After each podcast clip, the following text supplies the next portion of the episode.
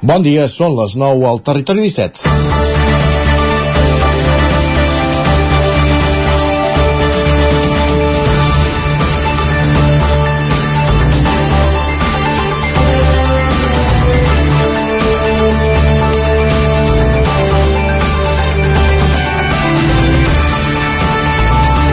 Garrofa Park, aquest és el nom que la família propietària dels multicines Sucre de Vic ha pensat pel parc comercial que projecten molt a prop dels cinemes, a l'altra banda del riu, just allà on des de fa unes setmanes les màquines ja treballen entre el supermercat Lidl, que podrà ampliar en aquesta operació urbanística, i l'antiga Nacional 152, on també s'hi ha adequat una nova rotonda.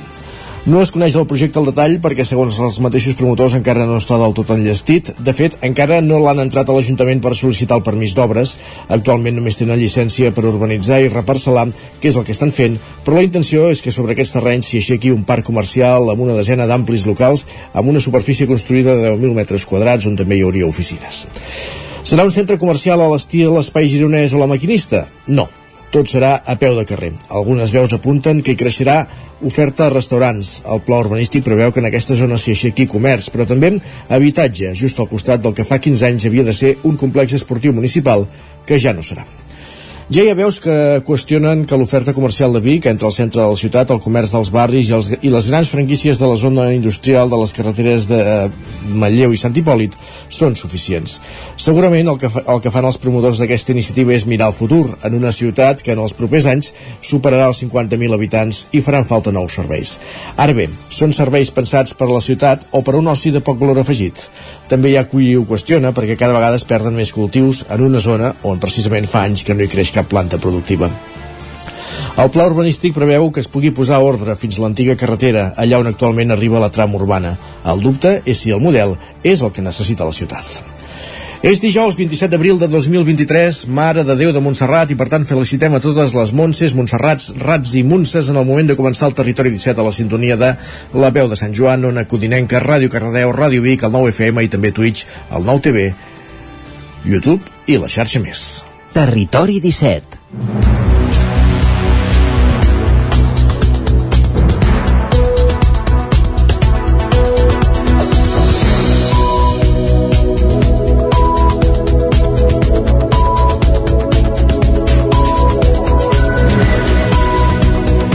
Gairebé 3 minuts són els que passen de les 9 del matí en el moment de començar el territori 17 aquest matí de dijous, 27 d'abril de 2023. Com dèiem, Mare de Déu de Montserrat, un territori 17 que com cada dia us farà companyia durant dues hores entre ara i les 11 del matí a través de les diferents emissores de les nostres comarques, el Vallès Oriental, l'Osona, el Ripollès i el Moianès. De quina manera? Per què us farem companyia? Per explicar-vos què? Doncs us ho expliquem tot seguit el sumari, just abans de posar-nos posar en dansa la maquinària del programa. En aquesta primera mitja hora, actualitat, les notícies més destacades de les nostres comarques, en connexió amb les diferents emissores del territori 17. En una d'elles ens quedarem per conèixer la previsió del temps a una codinenca on ens espera en Pep Acosta, un matí més, el nostre home del temps, i també anirem fins al quiosc amb en Sergi Vives des del 9FM per repassar quines són les portades dels diaris del dia. A partir de dos quarts de deu, des de la veu de Sant Joan, la Trenc d'Alba, la secció diària que l'Isaac Muntades ens acosta pujant al tren, recollint les eh, sensacions, les impressions el malestar dels soferts usuaris del nostre tren de cada dia de la línia R3, la Barcelona-Granollers-Vic, Ripoll-Puigcerdà i a l'entrevista eh, com parlarem de, de vol, de volar, perquè en Jordi Vilalta, del Club de Vol de Sant Joan de les Abadesses, ha estat seleccionat per participar en la competició més important en l'àmbit mundial de la modalitat de Hike and Fly, de parapent, la Xalps 2023, i ell ens acompanyarà als estudis de la veu de Sant Joan i conversarem, i serem qui conversarem a l'entrevista a partir de dos quarts de deu. Tot seguit a la plaça avui parlarem de criptomonedes, ara que ens sembla que no passen pel seu millor moment. Les places, ja ho sabeu, les places l'espai de nova economia que cada setmana ens acosta la Maria López i 11.cat. Notícies de les 10, la previsió del temps i avui a la Foc Lent tornem a la veu de Sant Joan, al Ripollès, per parlar amb en Carles Saura de la formatgeria Mubé, la formatgeria de la Fundació MAP de Ripoll, un, perquè un dels seus formatges ha estat guardonat a Madrid en les darreres setmanes. En parlarem, com dèiem, a partir d'un quart d'onze a la Foc Lent i ja sabeu que el dijous és el dia que dediquem a la ficció a la darrera mitja hora primer ens endinsarem a Twitter no diem que tot el que es digui a Twitter sigui ficció però alguna cosa hi trobem. Però sí que és ficció el que ens expliquen en, Ger, eh, en Joan Garcia i en Gerard Fosses cada dia des de la veu de Sant Joan, cada dijous parlant de cinema, les estrenes de la setmana, les novetats a les cartelleres dels cinemes de casa nostra. I tot seguit acabarem el programa recomanant algunes de les sèries que podem veure a les plataformes.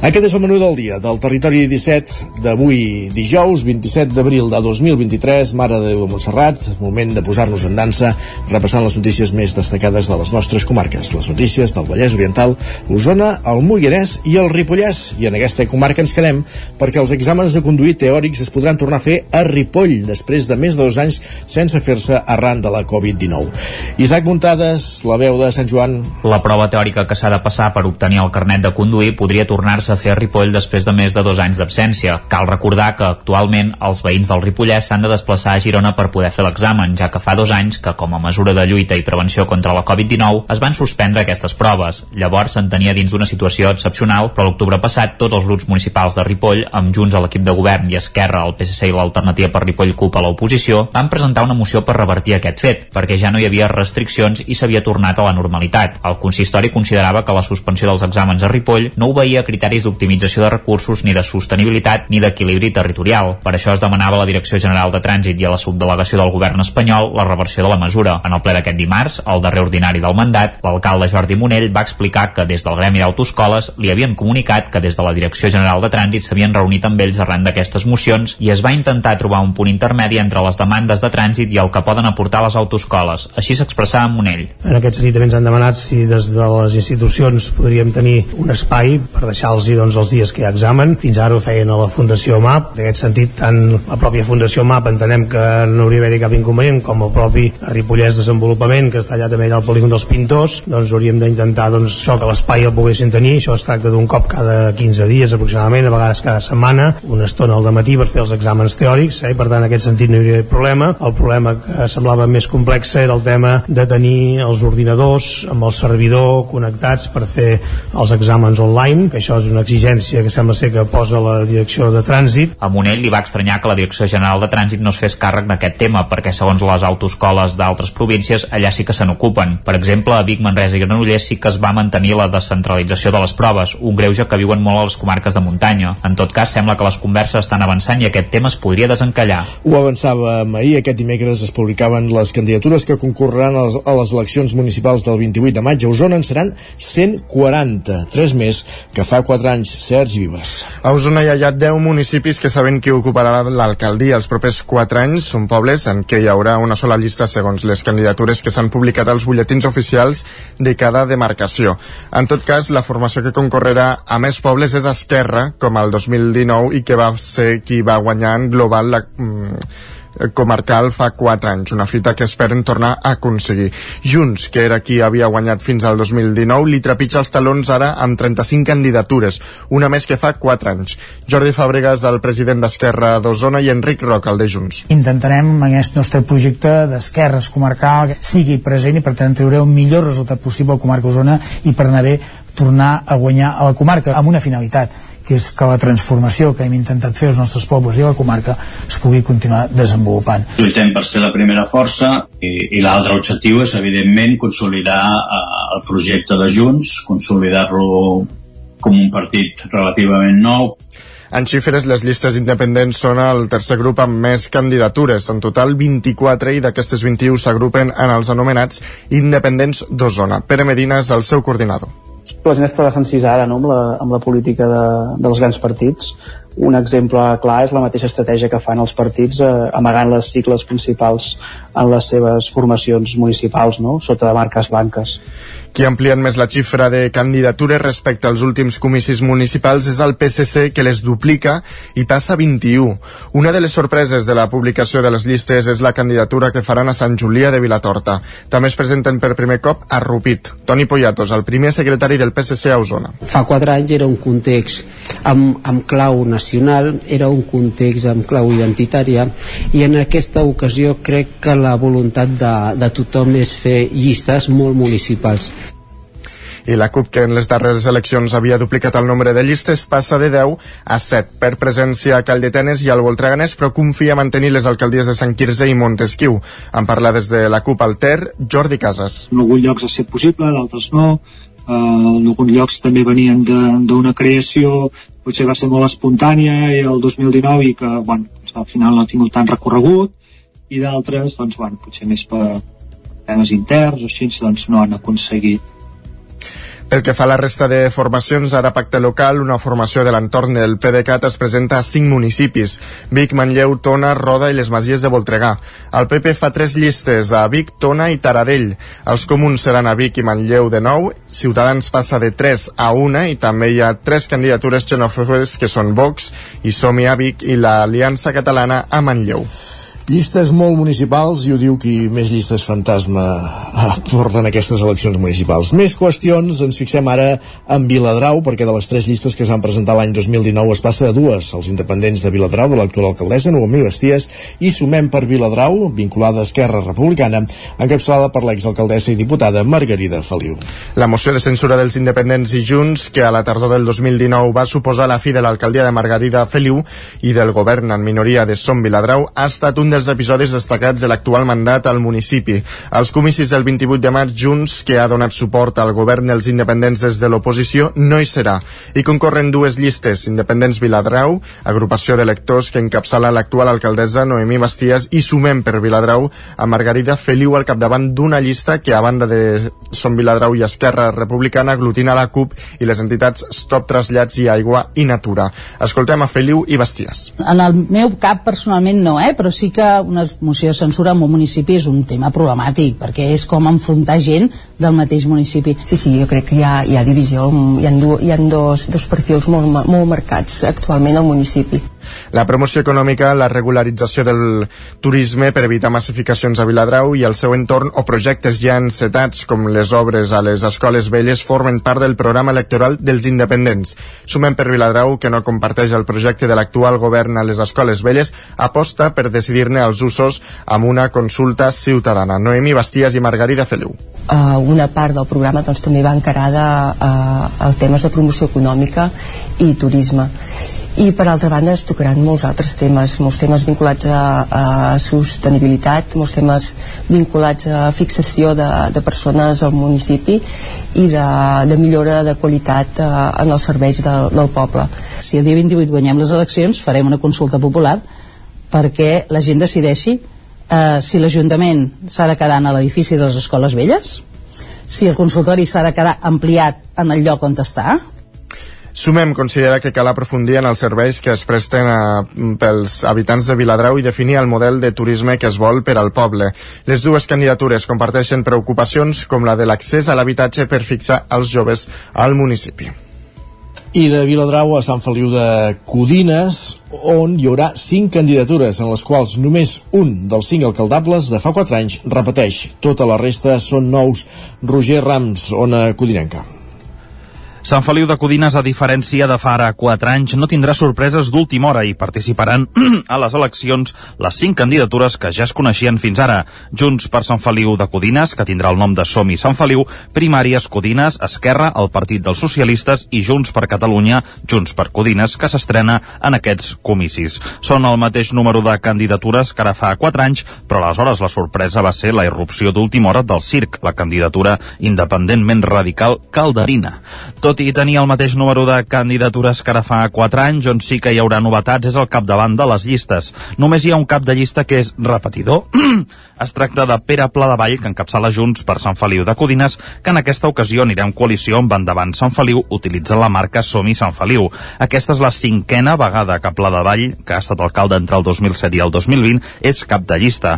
Serà el tercer cop que ho fa amb Junts per Sant Feliu, ja que els anys 2007 i 2011 ho va fer amb el PSC. Primàries Codines Codines es presenta per segona vegada a la població i en aquesta ocasió ho fa amb Pol Cabotí com a cap de llista després que els 503 participants a la votació de la formació l'hagin escollit entre les 19 persones que s'hi van presentar. Cabotí serà, eh, va ser el número 2 ara fa 4 anys amb l'estrena electoral d'aquesta formació. Esquerra Republicana estrena l'actual alcaldessa Mercè Serratacó com a cap de llista, qui va ser número 2 ara fa 4 anys de Junts per Catalunya. Serratacó pren el relleu a Pau Ibars i incorpora a la seva llista altres persones que ara són al govern també per part de Junts, per tant, també incorporats en aquesta llista d'Esquerra. Al PSC també hi ha canvis de lideratge, l'actual regidora de Gent Gran, Salut, Via Pública, Medi Ambient i Consum, Laia Jordana, serà qui encapçalarà la llista. Pren el relleu a Rubén López, qui va ser cap de llista ara fa 4 anys i qui també va prendre el relleu al consistori. I finalment Junts per Catalunya, que com dèiem es presenta per primera vegada i ho farà amb Anna Maria Vilarrassa com a cap de llista. La formació incorpora diverses persones que havien estat en candidatures i fins i tot amb càrrecs municipals en etapes anteriors i que ara retornen a la política. Gràcies, Roger. Més qüestions. La celebració del Dia de les Esquadres a la regió policial central lliure 182 felicitacions, Sergi. L'acte es va fer al Mont Sant Benet amb l'assistència d'unes 650 persones. Aquests eh, agents de la policia local de Torelló i de Manlleu i un vigilant municipal de Ceba van rebre reconeixements i també van recollir plaques commemoratives al Col·legi d'Advocats de Vic, representant del degà Rogeli Montoliu i el rector de la Universitat de Vic, Josep Eladi Banyos. A més, Pilarín Vallès va ser distingida per la seva cooperació i col·laboració amb el cos de Mossos d'Esquadra. Al cap de la regió Divisió Policial Central, Cristina Manresa, va situar com a grans prioritats la lluita contra els delictes patrimonials i les violències sexuals. Segons Manresa, l'activitat delinqüencial ha tornat a xifres similars als anys previs a la pandèmia. En el seu Parlament, la delegada del govern, Montse Berniol, destacava el treball de feminitzar la policia catalana. Torna el deixallibres per Sant Jordi a la deixalleria de Cardedeu. Pol Grau, Ràdio Televisió Cardedeu. Les 25 deixalleries comarcals, entre les quals la de Cardedeu i la Mòbil, tornen a ser l'escenari de l'activitat deixallibres. Així, les persones que del 22 al 29 d'abril facin ús de la deixalleria podran endur-se llibres de segona mà i també portar-n'hi. Un cop els hagin gaudit, els poden retornar. L'objectiu de l'activitat, promoguda pel Consorci per a la gestió dels residus del Vallès Oriental, té com a objectiu principal conscienciar la ciutadania sobre la importància de generar menys residus, però també allargar la vida útil d'aquests productes i que els usuaris i les usuàries d'aquestes instal·lacions recuperin gratuïtament llibres en bon estat, fins a un màxim de 3 exemplars per persona, i els hi donin una nova vida perquè aquests tornin a ser llegits. Mitjançant aquesta campanya, que el Consorci va iniciar l'any 2010, ja s'han recuperat prop de 40.000 exemplars, majoritàriament novel·les, llibres de contes, biografies i infantils. I una cinquantena d'alumnes de l'Escola La Sínia de Vic participen al projecte Desplaçades de l'associació IURTA, que ha culminat amb una cantata a l'espai ETC. Aquest projecte va ser creat l'any 2018 amb l'objectiu de consciència a través de la cultura sobre les conseqüències de les migracions forçades. En el cas de Vic va culminar amb una cantata a l'espai ETC. Allà una cinquantena d'alumnes de quart de primària primària van explicar la història de la Berta i l'Anna, dos personatges ficticis que per diferents motius amb, les, amb el temps s'han vist obligades a canviar de lloc de residència amb les seves famílies. A través del seu relat es genera un procés de reflexió sobre els desplaçaments forçats. En parla el tutor d'un dels grups participants, Carles Batlle.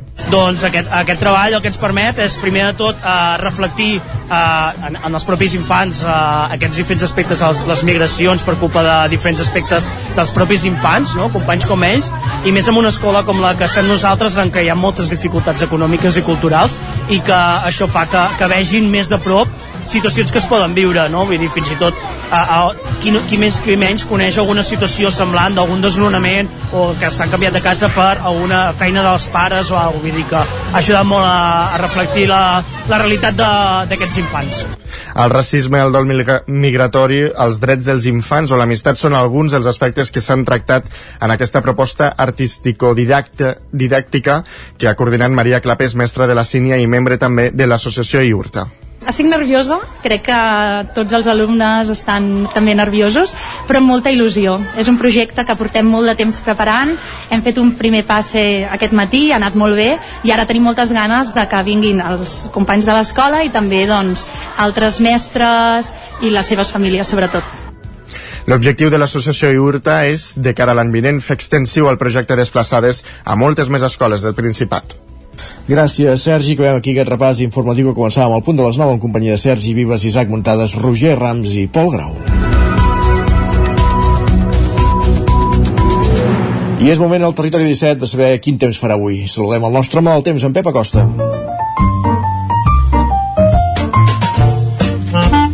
Casa Terradellos us ofereix el temps.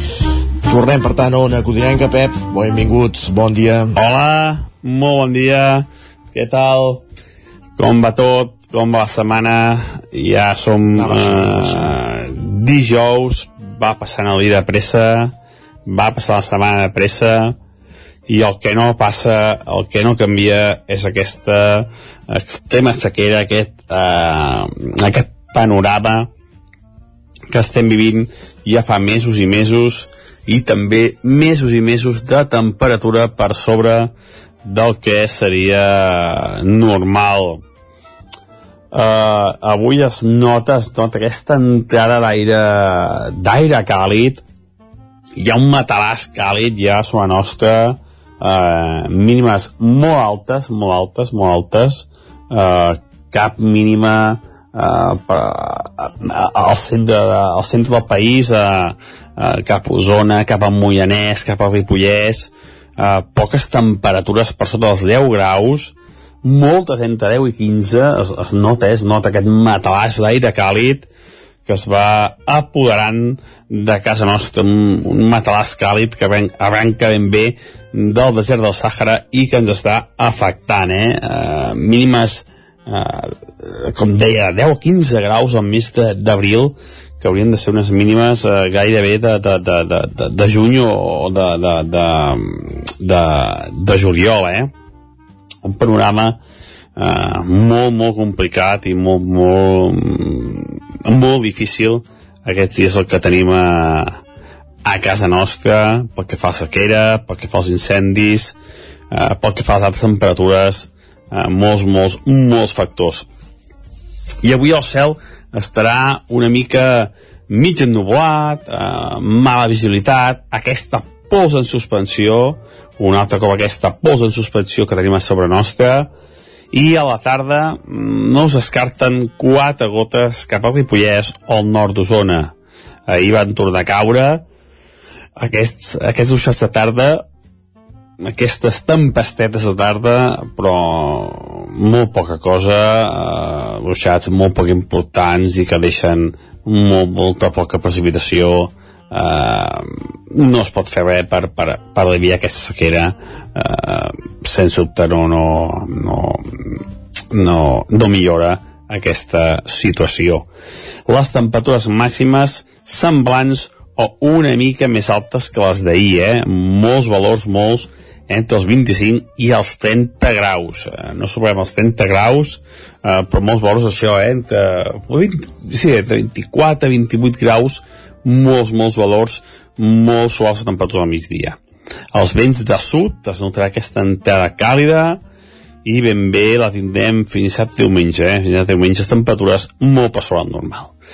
I això és tot. Demà ja detallarem el temps al cap de setmana, que es preveu bastant, bastant estable, amb algun tempesta a la tarda, però bueno, ja, ja, ja ho parlarem demà. Moltes gràcies, adeu. Doncs parlem demà del cap de setmana i d'aquí una estona ens actualitzem amb el temps per avui. Gràcies, Pep. A nosaltres el que fem tot seguit és anar ràpidament cap al quiosc. Casa Tarradellas us ha ofert aquest espai. Perquè és moment de saber, Sergi, quines són les portades dels diaris del dia, per on comencem i a veure quins són els protagonistes del dia. Doncs mira, comencem pel punt avui, que encapça la portada amb el titular Repressió transversal. Expliquen que Justícia inhabilita un any a la consellera Meritxell Serret per desobediència a l'1 d'octubre mm, per la seva banda... Vaig les... veure moltes concentracions ahir de suport a Meritxell Serret, sí. eh? les portes dels ajuntaments. De fet, uh... per la seva banda l'estat nega a les, a les Nacions Unides que es uh, uh, persegueixi l'1 d'octubre i els partits catalans. Per altra banda, diuen que la Confederació Hidrogràfica de l'Ebre declara l'excepcionalitat al Segre. Expliquen que el president, per Aragonès, reclama una acció conjunta. El periòdico diu que el govern blindarà el límit als lloguers per evitar recursos. Expliquen que la llei de vivenda inclourà el topall als preus en el paraigua estatal per garantir que el compleixin totes les comunitats. Per altra banda, diuen que el bosc ja està aquí. Expliquen que Springsteen ja ha arribat a Barcelona. De fet, ja, ja l'hem pogut veure signant els primers autògrafs. Sí, el van anar a caçar a l'arribada a l'aeroport estem, ja sem... bueno, en fi, és igual estem el vaig veure molt gran, eh? sí no sé, sí. per fer dos concerts bueno, no sé què us en fa aquí a Barcelona, però Passa que suposo que una cosa és quan el veus de, de, de persona de carrer i l'altra cosa és quan el veus del, de l'escenari bueno, vestit això, en fi, sí. Bueno. És altra són conceptes diferents, clar, la imatge aquesta que vam veure ahir no estem acostumats a veure els Springsteen així. No, no, no. Amb uh, La Vanguardia diu que uh, dones i laics podran votar al, sído, al sínode després d'una decisió sense precedents. Expliquen que el papa ten una reivindicació històrica de grups catòlics femenins i aixeca el veto de les reunions periòdiques de bisbes. Els laics són els que no són religiosos, eh? No és allò que feu a, a Instagram. No, no, no. Més qüestions. El periòdico diu que el primer pic de calor d'estiu s'avança dos mesos. Expliquen que entre avui i dissabte alguns termòmetres fregaran els 35 graus a les comarques de Ponent. Afegeixen que aquest cap de setmana poden arribar els ruixats més destacables de la primavera. Quina mandra, eh, aquestes temperatures ja de 35 graus, mare de Déu. Sí, sí. De fet, el país, eh, i ara ja començava en premsa espanyola, amplia aquesta informació dient que 28 capitals de província espanyoles estan a temperatures màximes a l'abril. Expliquen que en l'últim mig segle els termòmetres mai havien superat els 38 graus en aquest mes. Doncs vinga, paciència. Ah, pues sí, sí. L'ABC diu que Yolanda Díaz manté Sumar fora del control del Tribunal de Comptes. Expliquen que la marca, blanc, la marca política amb què acudirà a les eleccions opera eh, com a associació i recauda diners eh, eh, esquivant el règim de transparència que s'exigeix als partits. El Mundo diu que la nova llei de l'habitatge frena el pla antiocupa de policies i fiscals. Expliquen que les esmenes que accepta Sánchez van en direcció oposada a les reformes aplicades davant l'increment de les denúncies en un 37%. Per altra banda, eh, han entrevistat a Juan Guaidó, expresident encarregat de Venezuela, que sí. diu que qualsevol estaria frustrat per no haver recuperat la democràcia. Carai. I la Razón diu que més de 60 lleis moren per desacords dels socis. Expliquen que l'activitat es ralentitza el primer quadrimestre per evitar el soroll de la baralla del PSOE amb els seus aliats. Afegeixen que la Junta Electoral respon una altra vegada al portaveu del govern per fer campanya a Moncloa. Ràpidament repassem digitals a la decisió d'Osona i el Ripollès del 99.cat. Doncs eh, trobem la notícia que en total 140 candidatures doncs, concorreran a les eleccions del 28 de maig a Osona. Ho explicàvem a l'inici de l'informatiu i el Ripoll i el Vallès Oriental. Doncs que Dani Júlia eh, de la Fundació Recursos Educatius per la Infància en Risc és Vallèsà de l'any 2022. Ahir es feia la gala del Vallèsà de l'any. Doncs aquí tenim ja la, el guanyador, el Vallèsà de l'any 2022, Dani Julián. Pausa i tornem. El nou FM, la ràdio de casa, al 92.8. Estàs preparat per aquest estiu? A Boi Galter som especialistes en tot allò relacionat amb la protecció solar per a qualsevol necessitat d'espai, tendals, pèrgoles, escrins interiors. Anticipa't a la calor. T'assessorem i t'oferim la màxima garantia de confort i benestar per casa teva. No ho dubtis i vine a Boi Galtés. Ens trobaràs al carrer Jaume I de Vic número 5 al 93 886 1420 a la nostra web www.boigaltes.com i també som a Instagram boigaltes.tendals Per moure't, lloga un cotxe ALR. Per moure la família, lloga un minibús ALR. Per moure coses, lloga una furgoneta ALR. Per moure la casa, lloga un camió ALR. Lloguer de cotxes, furgonetes i camions ALR. Ens trobaràs al carrer Francesc Sant Climent 83 de Vic i també a Olot i Manresa. Informa't en el 93 888 60 57 o bé consulta el web alr.cat. No t'ho creuràs, m'ha trucat el servei tècnic oficial de Saunier Duval perquè han detectat a distància que li falta aigua a la caldera. Era a casa i no me n'havia adonat. I què has fet? Res, perquè el meu servei de manteniment Mi Saunier Duval Connect m'ha donat una solució en qüestió de minuts. Informeu-vos a connectivitat.saunierduval.es. Saunier Duval, sempre al seu costat. Ser a prop vol dir veure les coses més bé. Apropa't al que t'interessa amb la xarxa Més. La teva plataforma audiovisual de qualitat, proximitat i gratuïta. Gaudeix dels continguts de més de 30 televisions locals i podcast quan, com i on tu vulguis. Entra a la xarxa més.cat i descarrega't l'app. Cocodril Club. Si t'agrada la bona música dels anys 60, 70 i 80, escolta el 9 FM els matins de dissabtes i diumenges d'11 a 1. És el temps del Cocodril Club, tot un clàssic de la ràdio, amb les bases del pop-rock, les llegendes, les cançons que s'han convertit en autèntics himnes. Recorda, dissabtes i diumenges al matí, d'11 a 1, al 9 FM 92.8. Cocodril Club, el programa revival de l'Albert Malla. Hasta luego, cocodrilo. Bon dia, són les 9 al Territori 17. La Miquel Parella. Cada matí i durant dues hores t'acompanyem i et posem al dia de l'actualitat de casa nostra. Potenciant així l'autonomia En aquest cas me la peça el teler si no... Cursos per feminitzar el pensament masculí. Territori 17, el magazín matinal d'Osona, el Moianès, el Ripollès i el Vallès Que Oriental. la meva àvia de 93 El nou anys... FM, el nou TV, el 99.cat i també els nostres canals de Twitch i hora YouTube. demà per fer-se un tatuatge. Cada matí, Territori 17. Ole. El nou FM, la ràdio de casa, al 92.8. Territori 17.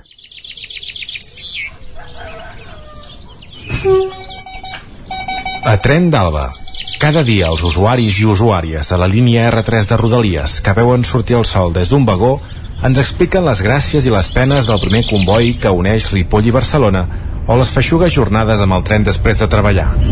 Benvinguts a Tren d'Alba. Avui us porto una història de Twitter que no va tenir un final feliç, per variar, però que no serveixi de precedent. Aquest cop no és culpa de Renfe. La usuària Júlia De Marco va baixar del tren que anava en direcció Massanet-Massanes i que va sortir del Clot a les 17 hores i 40 minuts a l'R1. Quan va baixar del tren es va donar que s'havia deixat una maleta petita i negra a dins, en el lloc on es posen les maletes. Ella va demanar si l'havien trobat. Per desgràcia, Renfe li va contestar que l'estació de destí no va aparèixer i li van recomanar d'omplir el formulari d'objectes perduts a la pàgina web de Rodalies per veure si algú l'havia deixat en una altra estació. A veure si hi ha alguna ànima caritativa que pot ajudar la Júlia. Llàstima que de moment no ha aparegut aquesta maleta. Va, ens retrobem dilluns amb més històries del tren i de la R3. Territori 17, el 9 FM, la veu de Sant Joan, Ona Codinenca, Ràdio Cardedeu, Territori 17. Un minut que passa de dos quarts de deu del matí, anem a l'entrevista.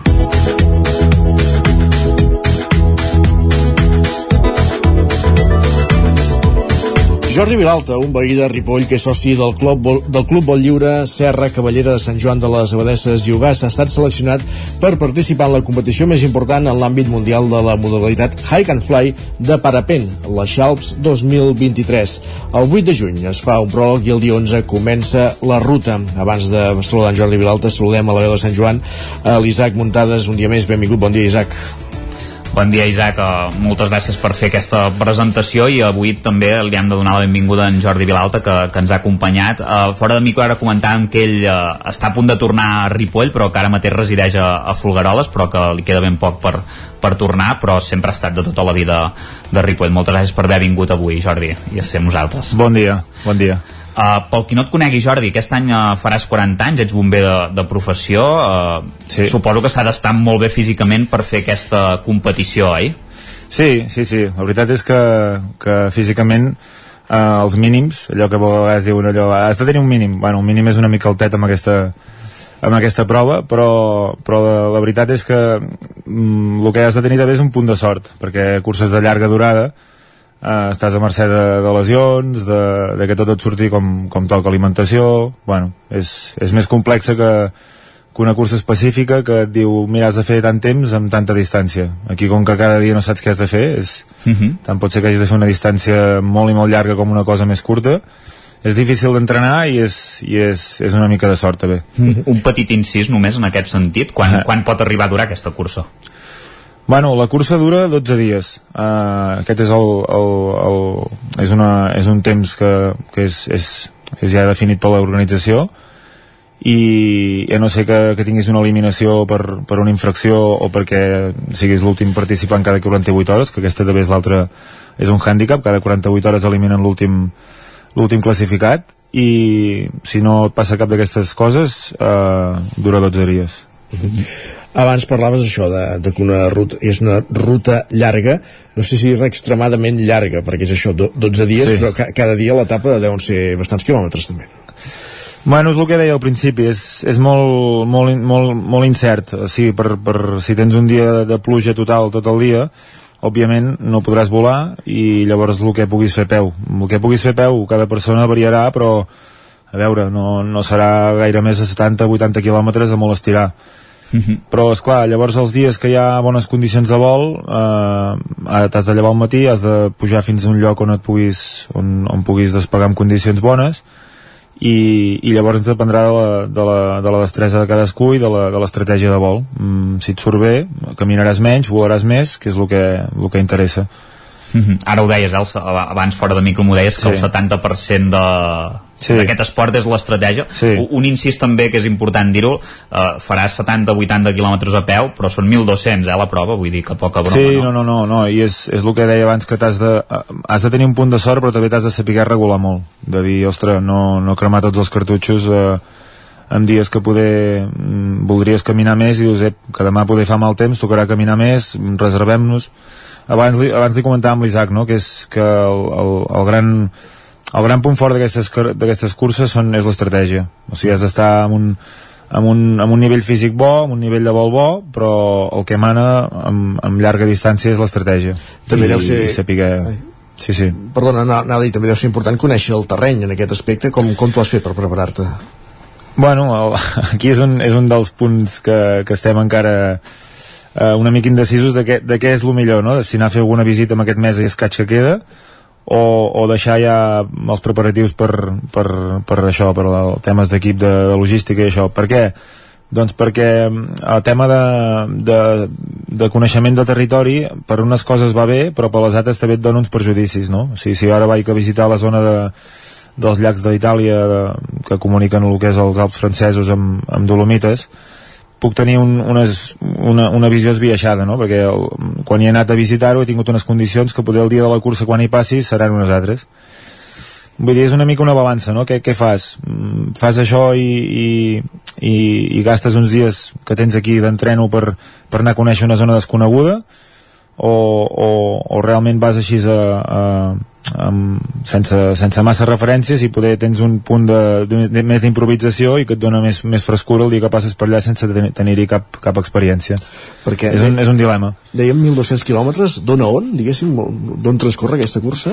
Ah, la cursa originàriament sempre havia fet de, de, de la zona d'Àustria, o sigui, sempre sortia de Salzburg i anava a morir a Mònaco. O sigui, feia tot, tot el que és aquesta espècie de diadema que fan els Alps, Uh -huh.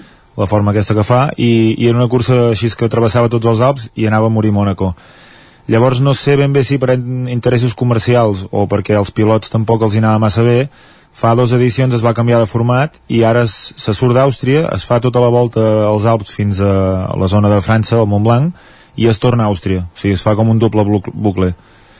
I, i bueno, eh, sí que és veritat que passa mm, quasi bé tot el, tot, el, tot el recorregut de la cursa passa per zones molt més volables però bueno, jo crec que mm, plàsticament li perd una mica de... de eh, era molt maco acabar al mar les, les curses que acabaven al mar Mhm. Et volia preguntar, eh, evidentment s'ha d'en- s'ha d'entrenar molt per fer aquesta cursa, no sé quants anys fa que, que voles i com et vas iniciar en aquest món. i ara, mira, fa des del 2009 que, que volo i, i que mm, bàsicament volo per, per m'hi va portar a la muntanya a volar. O sigui que quasi bé des de que vaig començar a volar ja, ja feia això de caminar i volar. Però sí que des dels últims 5 anys o així poder m'hi he, he ficat una mica més de, de, de peus a la galleda i hem fet alguna cursa així amb l'assistent que, que m'ajudarà aquest, aquesta vegada. Alguna cursa així una mica més d'entitat i, i ens hi hem ficat una mica més, més, més a fons però, però sí, sí, volar des del 2009 Abans comentaves que de, en funció de les condicions tocarà caminar i que, clar, que, que un pot arribar a caminar en un dia 70-80 quilòmetres. El dubte és caminar amb el parapent carregat o com funciona això? Sí, sí, la, la, norma de la, de, la, de la cursa és que el, el pilot ha de portar sempre, en tot moment, l'equip de vol eh, a sobre. O sigui, l'equip de vol indispensable és parapent, paracaigudes, casc, eh, dispositiu de seguiment, que són dos GPS duplicats, i dispositiu mòbil. Això, traduït en pes, són... depèn una mica dels equips, això ha evolucionat molt els últims anys, però són uns entre 6 llargs, entre 7 quilos i 8 i, i sí, tot el que és la part de, de caminar has de portar aquest equip mínim a sobre. Llavors tot el que són extras com poden ser aigua, menjar, tot això és, aquí és on entra l'assistència que t'ajuda durant tot el dia i intenten contactar amb tu a la que toques terra per, per, per ajudar-te i, i, i subministrar-te tot això que en teoria seria un extra que portaries el millor de la teva professió, Jordi, és que ets bomber, per tant és una professió física i pots uh, entrenar bastant durant la setmana, Sí. uh, però a banda d'això has de fer els, els teus entrenaments, ara comentàvem, eh? clar, portar el parapent a darrere no ha de ser fàcil, sobretot a, a la banda de quan, quan camines, no, evidentment. No sé quan dediques a córrer i a volar a l'any, Qui- quin és el teu entrenament durant La- l'any? Sí, la veritat no ho tinc massa comptabilitzat, eh? amb això sóc bastant desastre. Vaig, vaig bastant així de sensacions perquè abans li comentava a l'Isaac és una cursa que dels 32 pilots, perquè hi havia 35 inscrits, però ja en queden 32 per, per baixes de, de motius varis, i la majoria són, són professionals, o sigui que, que siguem amateurs o gent que no ens hi dediquem, poder som 5 o 6 pilots com a molt. La resta són professionals. Què passa? Que, que l'entrenament d'aquest tipus de curses és, és molt complicat, perquè no és, és el que us deia abans, no, no és, no és una, una distància específica, no és una, és una cosa molt... Quan li dius a un preparador físic a un, o a un dietista, queden tots bastant parats, no? Perquè és com, ostres, però ben bé què feu? Bueno, és que no ho sé ben bé què fem, és, és una cosa... Cada dia vas improvisant, el que sí que saps és que són llargues distàncies a peu i, i, i, i amb bastants metres de desnivell. Llavors, la manera de, de preparar-ho, jo ho he centrat bastant amb, amb, el, amb el pla, o sigui, el que són les distàncies per, per, per asfalt, que són les que on, on et provoquen més lesions, on hi ha més fatiga. Uh, muntanya cara amunt, uh, muscularment és, és bastant, bastant fatiga, és el que et fatiga més, però no, no, no és lesiu, és, no és tan dolent pel cos com, per exemple, fer 30 o 40 quilòmetres d'asfalt, que aquí és on realment eh, és el que has de tenir una mica més entrenat i els últims mesos doncs, he mirat de, de, de fer diversos testos d'aquests, de dir, ostres, va, dos cops a la setmana doncs faig uns 20 quilòmetres, Mhm. 15 quilòmetres seguits a corrents amb asfalt amb la, amb la motxilla i veure si, si et surt alguna cosa o no i, i bueno, i de tant en tant doncs, fer algun test així de metres acumulats de dir, ostres, va, fas 2.500 o 3.000 positius i aviam si, si vas bé de, de càrregues musculars i això a partir d'aquí l'altre ja no, no, no et puc dir massa res més perquè és tot així autodidacta Però déu nhi eh? Ho tens, encara que sembli que deies que no ho tenies molt controlat, déu nhi eh? Lo, lo controlat que ho tens. Sí, però bueno, jo sempre m'emmirallo amb, amb, amb els pilots que tens de referència professionals i clar, aquesta gent porten tot un... O sigui, és tot un, tot un altre món. Uh, tenen entrenadors, tenen uns programes d'entrenament que no duren uns mesos com, com, com pot ser el meu, sinó que ja porten anys entrenant amb, un, amb tot unes cadències molt ben, molt ben establertes i tot i així també veus que, que a vegades els, els sorprèn les lesions, no? Però, però sí que en aquest sentit van molt més preparats. És, és el tema lesions i, i, i estar acostumats a fer llargues distàncies durant molts dies, doncs clar, es nota, sí, sí.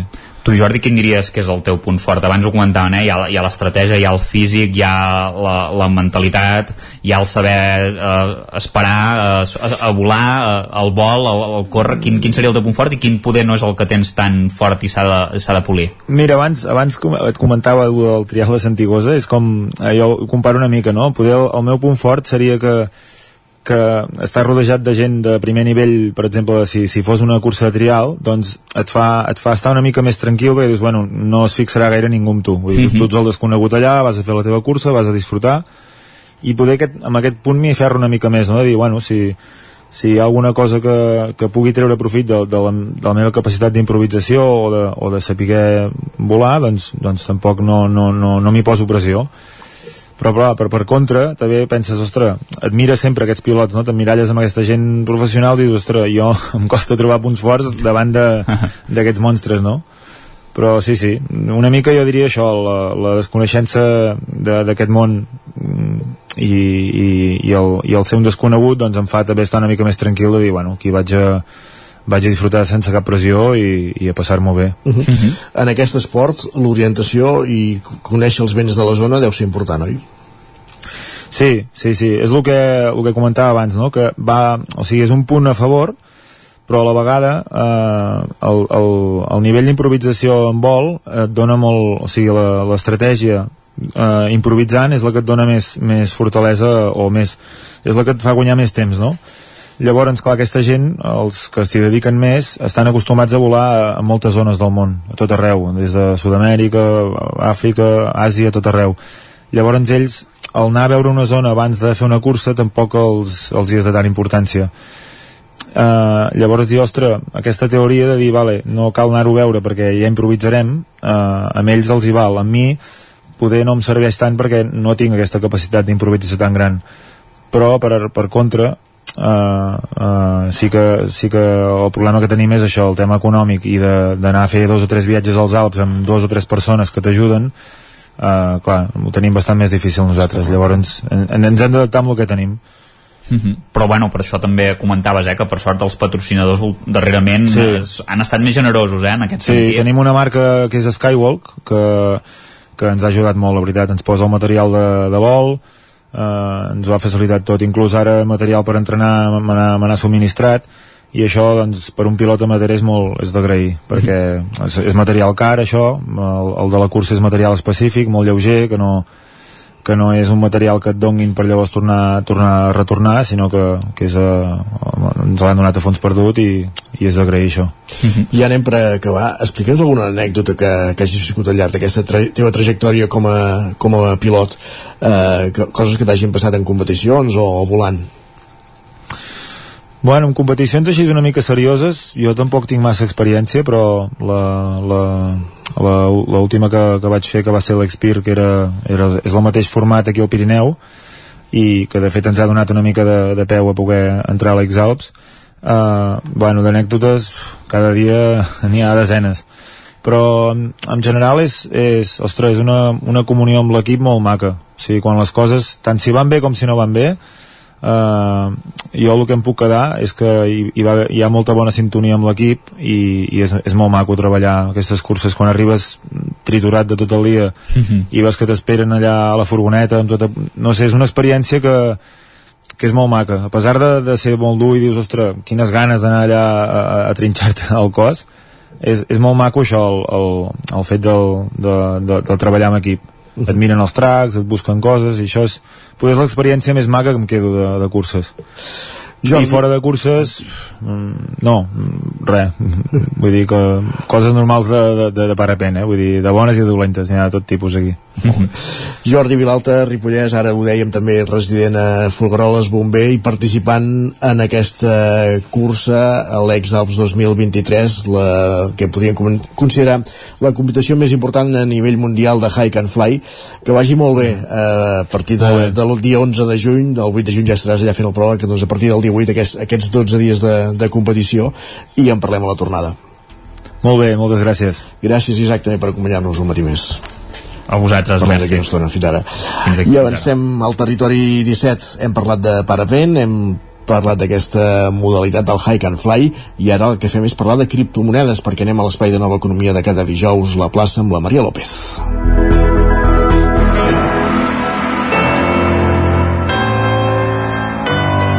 Territori, Territori 17. 17. Territori 17.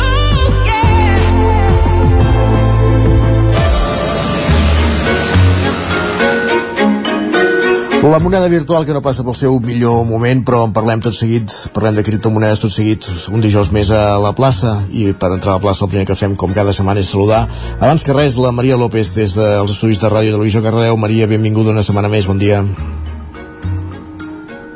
Bon dia i benvinguts a la plaça. Com cada dijous arribem disposats i disposades a analitzar la direcció de la nova economia, gràcies als companys d'11.cat. I avui toca fer una actualització, perquè ja fa setmanes que no fem una bona repassada al mercat de les criptomonedes.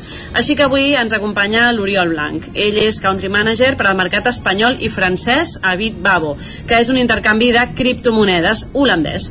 Inversor i trader en el seu temps lliure i assessor en projectes cripto des d'una perspectiva de màrqueting. Molt bon dia, Oriol. Bon dia, què tal, com va? Molt bé, doncs, escolta, a mi d'entrada, ja, així com a punt de partida, eh, m'hauràs d'explicar ben bé en què consisteix aquesta tasca que fas tu a, a Bitbabo, perquè Uh, la- a- a- t'explico, la Gemma d'Onze m'ho ha intentat explicar però a vegades em parla de conceptes o aquestes paraules noves que ella em va introduint a la country man manager. A més em deia uh, per afiliats si no m'equivoco. Sí, uh, no sé si correcte. pots explicar una miqueta en què consisteix la teva tasca exactament. Sí, la meva tasca bàsicament és expandir l'intercanvi a nous mercats. Ara mateix Bitbabo són líders a Holanda, Bèlgica i Luxemburg i s'estan expandint per tota Europa. Jo sóc una mica el responsable de fer créixer la base d'usuaris a- en el mercat espanyol i al mercat francès. I ho faig a través d'un eh, tipus de màrqueting que es diu màrqueting d'afiliats, que bàsicament és eh, tancar partnerships o col·laboracions amb, amb influencers o gent o pàgines web que tinguin a veure amb les criptomonedes perquè puguin recomanar el nostre intercanvi. O sigui, d'alguna manera són la veu de David Babo. El món de les criptomonedes, que aquí des de la plaça n'hem parlat diverses vegades, però sí que entenc que és un món molt canviant i ara fa setmanes que no, que no el posem sobre la taula en el mercat de les criptomonedes. Ara mateix, uh, on som i cap a on anem? Doncs sí, la veritat és que és un món molt canviant perquè estem a una fase de l'adopció. És una nova tecnologia, que és la, la tecnologia blockchain, que la veritat és que és bastant complicada d'entendre, però és una tecnologia nova eh, que ara s'està començant a implementar a tot tipus de negocis i és una manera diferent de transaccionar valor d'una manera descentralitzada. Llavors, l'adopció en els últims 10 anys ha sigut exponencial. Eh, ara mateix hi ha empreses, governs i tot tipus d'organitzacions que l'estan implementant i bueno, està canviant una mica les coses i la manera de fer, de fer negocis. No?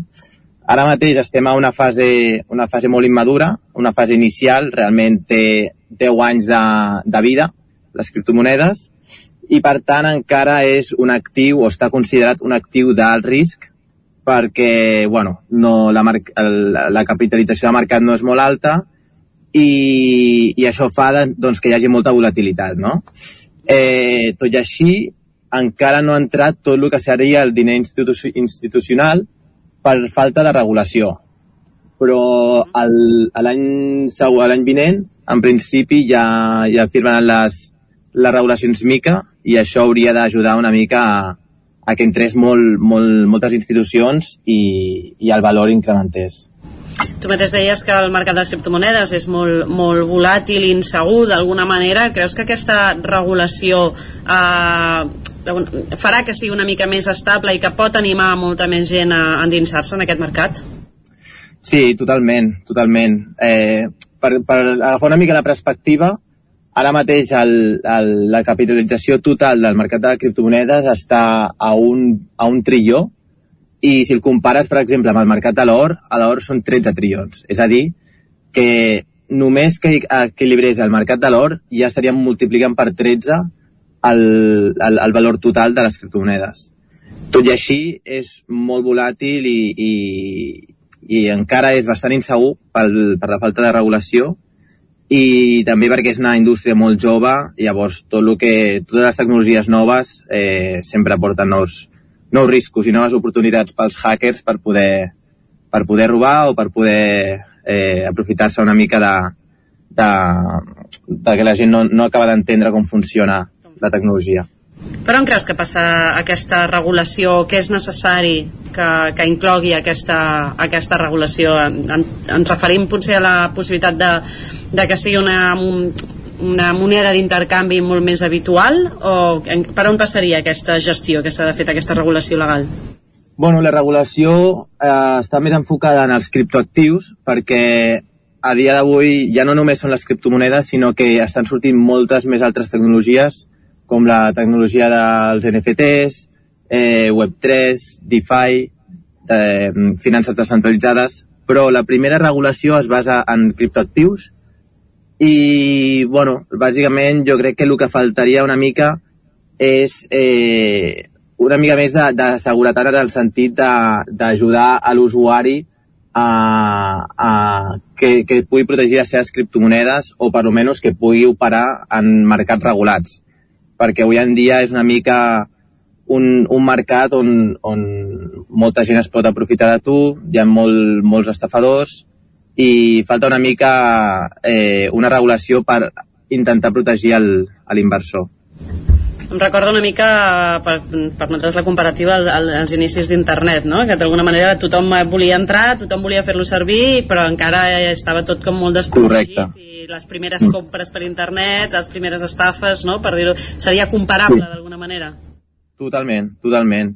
I a més, quan, quan és una nova tecnologia, la gent sol tenir moltes ganes d'invertir perquè hi ha molt de, molt de hype darrere, i, però per altra banda encara no es veu realment l'aplicació la, real que pot arribar a tenir tota aquesta indústria.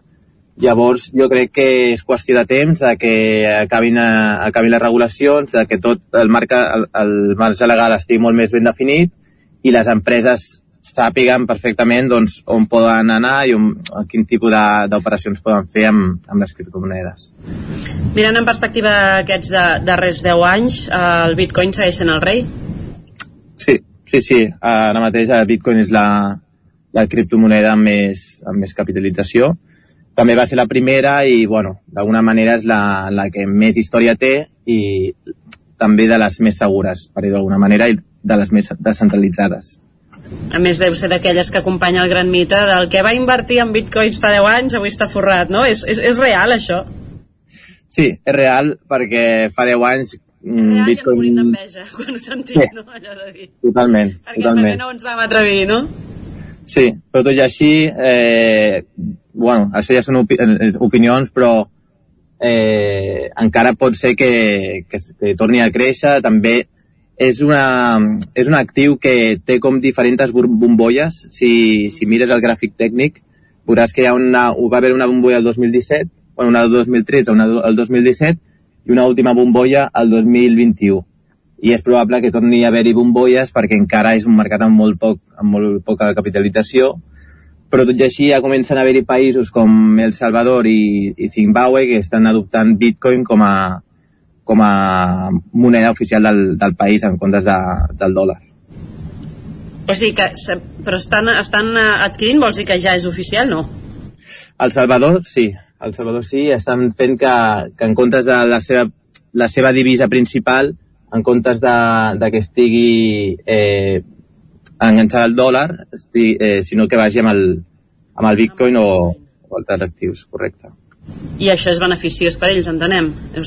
Però no bueno, depèn, depèn de, de la gestió. Eh, ara mateix el dòlar està començant a caure perquè és una, és una moneda o una divisa que no té eh, no té l'oferta limitada. És a dir, que la Reserva Federal en qualsevol moment pot eh, imprimir més, més dòlars per poder combatre la, la recessió o qualsevol tipus de crisi, com per exemple la crisi del Covid, i això fa que la, que, que la massa d'oferta incrementi i el valor eh, vagi cap avall. En canvi, Bitcoin és, un, és una criptomoneda que té l'oferta limitada amb 21 milions. Per tant, només hi ha 21 milions bitcoins en el planeta no es poden crear més. Ara mateix diria que hi ha uns 19 milions en circulació i cada 4 anys, eh, bueno, cada 10 minuts es van crear nous, nous bitcoins, però cada 4 anys el, la, la, el benefici dels miners eh, es redueix. Però és una mica complicat, realment és una, és una moneda que està programada amb, amb, amb, amb ordinadors, però, però bueno, això fa que el, al, al tenir l'oferta limitada, eh, el preu només pugui fer que, que pujar, no? A mesura que, que la, la demanda augmenta. Ara imagina't que qualsevol persona de les que ens està escoltant doncs acaba, acaba amb, la, amb, la, amb el cuquet aquest no? de voler invertir en, en criptomonedes, què li recomanaries? Bueno, en primer lloc, eh, això és una, una recomanació que, que per tothom seria diferent, no? Perquè cadascú té diferents situacions i, bueno, al final cadascú ha d'enviar una mica el que és millor per cada cas. Uh, en, el, en el meu cas, a mi el que m'hagués ajudat molt és educar-me primer abans d'invertir, perquè sí que és veritat que quan això hi ha molt de hype, tothom parla d'aquest tema, però ningú acaba d'entendre realment com funciona. Per tant, la meva recomanació principal seria eh, educar-se, entendre realment què estàs invertint i què estàs comprant, per si el valor cau un 50, 60, 70%, siguis capaç de dir mm, mantenc aquest actiu perquè confio en el llarg plaç. Per altra banda, eh, per mi és molt important utilitzar una plataforma de confiança, com per exemple Bitbabo, que és la que, la que jo treballo, que té la sede aquí a Amsterdam i sé que realment estan complint amb tota amb totes les regulacions i està regulada pel eh, Banc Central Holandès i bueno, que és un dels reguladors més estrictes de la Unió Europea i, i llavors pots estar segur que si qualsevol cosa que passi a l'empresa, per almenys els teus diners estan segurs. I en tercer lloc, eh, jo crec que és molt important saber quanta quantitat estàs disposada a invertir en criptomonedes, perquè he arribat a escoltar històries de gent que s'ha arribat a endeutar per invertir en criptomonedes, la qual és la pitjor decisió que pots prendre a la teva vida. O sigui, és molt important saber quina quantitat tens o estàs disposat a arriscar en aquest mercat, perquè realment és un mercat bastant arriscat a dia d'avui, i, bueno, això són, serien una mica els meus consells per, per, per invertir en les criptomonedes. I potser un consell addicional seria eh, tenir un, una, una cartera offline, una wallet freda, que se li diu, que és una manera de tenir les teves criptomonedes amb les teves pròpies contrasenyes. Llavors, això és el més segur que pot haver-hi perquè realment estan offline, ningú te les pot hackejar, el govern tampoc te les pot confiscar, per tant, és una manera de protegir el valor sense, sense perill que ningú te la, te la robi. Moltes gràcies per acompanyar-nos avui aquí a la plaça. Moltes gràcies. Que vagi bé. Gràcies també a tu, Maria, una setmana més per acostar-nos a aquesta secció, la plaça dedicada a la nova economia avui, parlant de bitcoins, parlant de criptomonedes. És moment al territori 17 de posar-nos al dia, d'actualitzar-nos amb les notícies més destacades de les nostres comarques, les notícies del territori 17. Territori 17.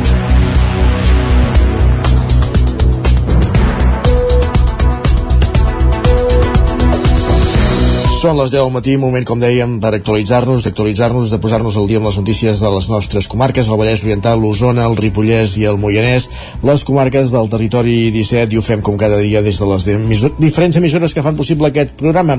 Ona Codinenca, Ràdio Cardedeu, la veu de Sant Joan, el 9FM, Ràdio Vic, i també ens podeu veure, ja ho sabeu, a través de Twitch, YouTube, el 9TV i la xarxa més.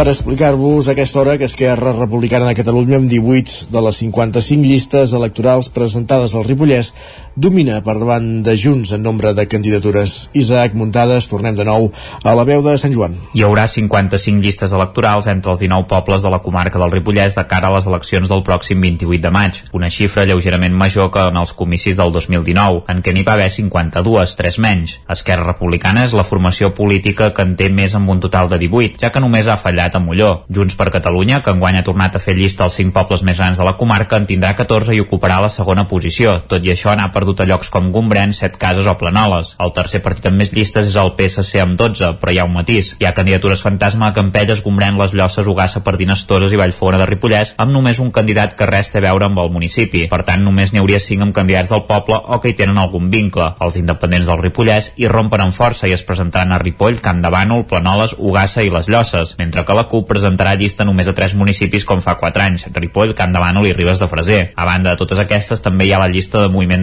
d'esquerres a Sant Joan amb Ramon Roquer al capdavant i Aliança Catalana a Ripoll amb el lideratge de Sílvia Oriols. Finalment, hi ha el grup de totes les llosses, un grup absolutament independent. No hi ha ni rastre del Partit Popular, Ciutadans o Vox. Ripoll amb 6 llistes i Camp de Bànol i les llosses amb 5 ocupen el podi de pobles amb més candidatures, mentre que Ugassa tampoc es queda enrere i en tindrà 4. Amb les llistes publicades ja es pot dir que Josep Coma de Junts a Molló i Amadeu Rossell amb Esquerra a Llanàs encadenaran el seu tercer i quart mandat consecutius, ja que hi ha llista única. A Gombrèn, César Uller serà l'alcalde perquè s'elegeixen 5 regidors i només hi ha 5 candidats. El més destacat és que el candidat fantasma del PSC també entrarà. A Pardines, Esquerra tindrà segur la majoria absoluta, per tant, Jordi Ubach té tots els números de continuar l'alcaldia. Una situació similar es viu a Vallfogona, en què hi ha 5 candidats d'Esquerra i un del PSC. En conseqüència, Esteve Font també serà l'alcalde. La situació és molt semblant a Toses i Joan Bernades encadenaria el seu quart mandat consecutiu. Això significa que Esquerra ja s'hauria assegurat quatre alcaldies per dues de Junts.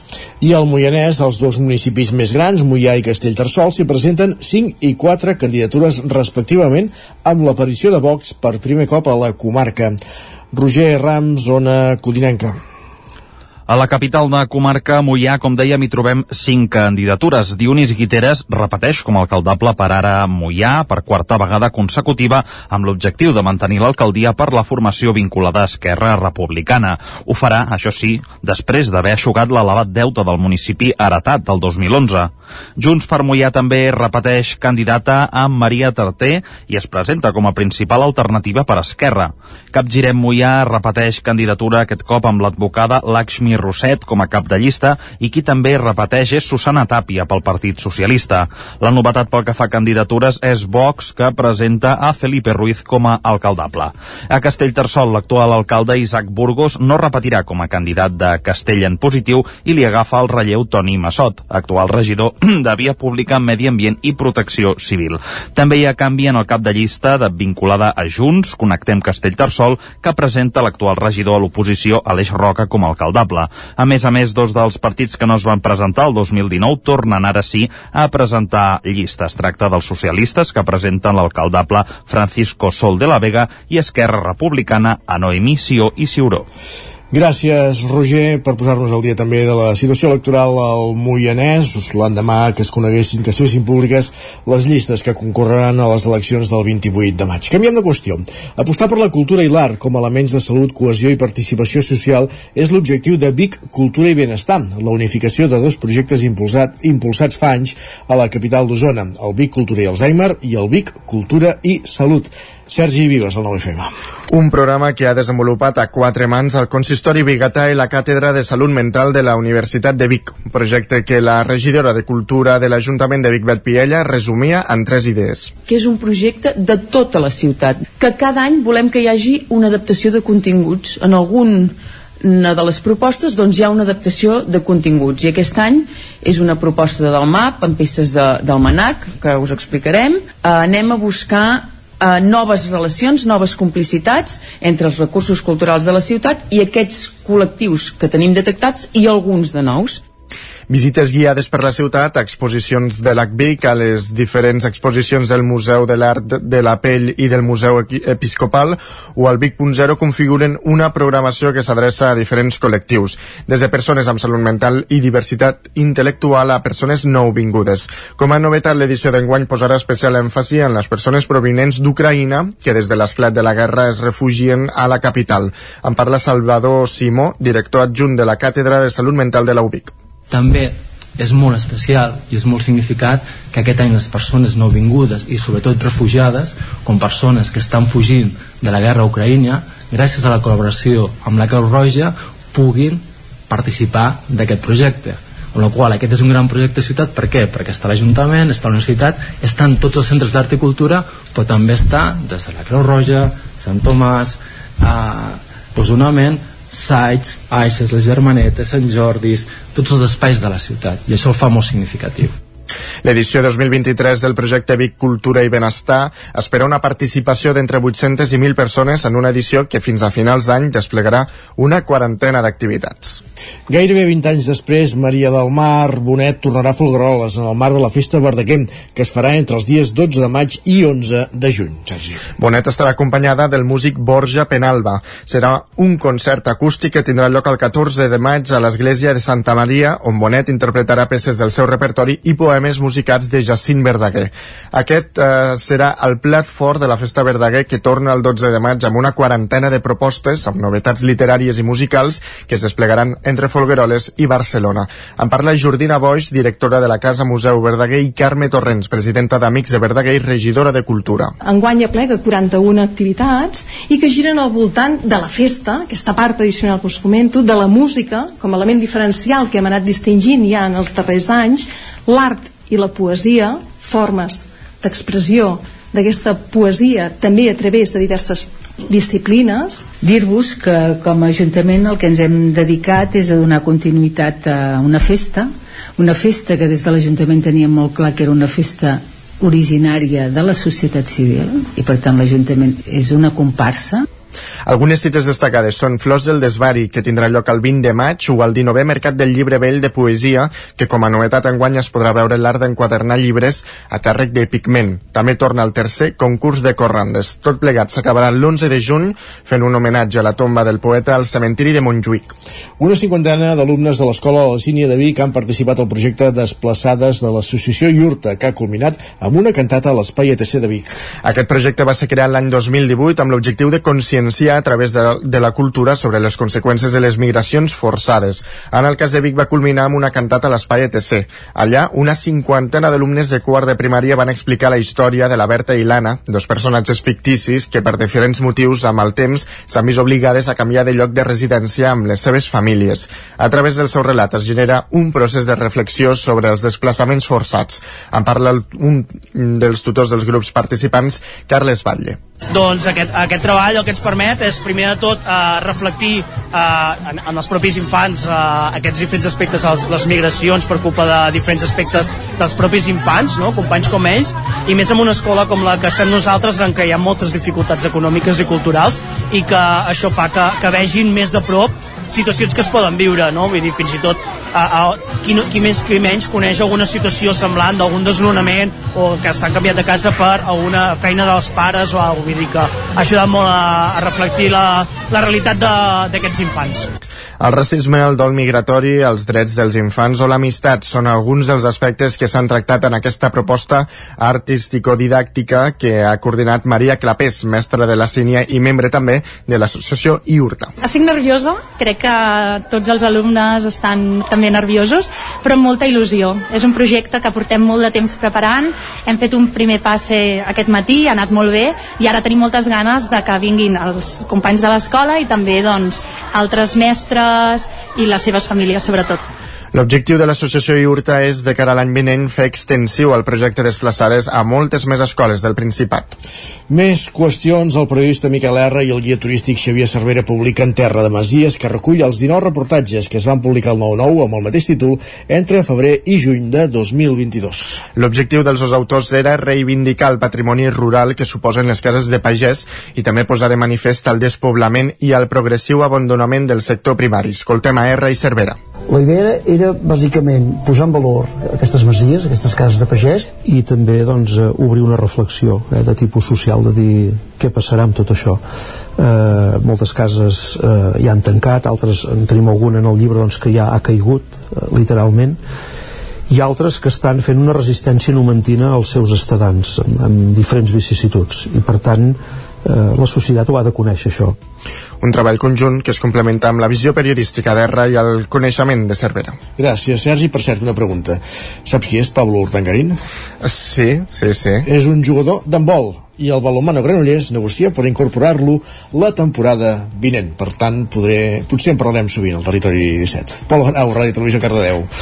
El balonmano Granollers ha mantingut contactes per incorporar l'extrem dret del Barça B, Pablo Urdangarín, la temporada que ve.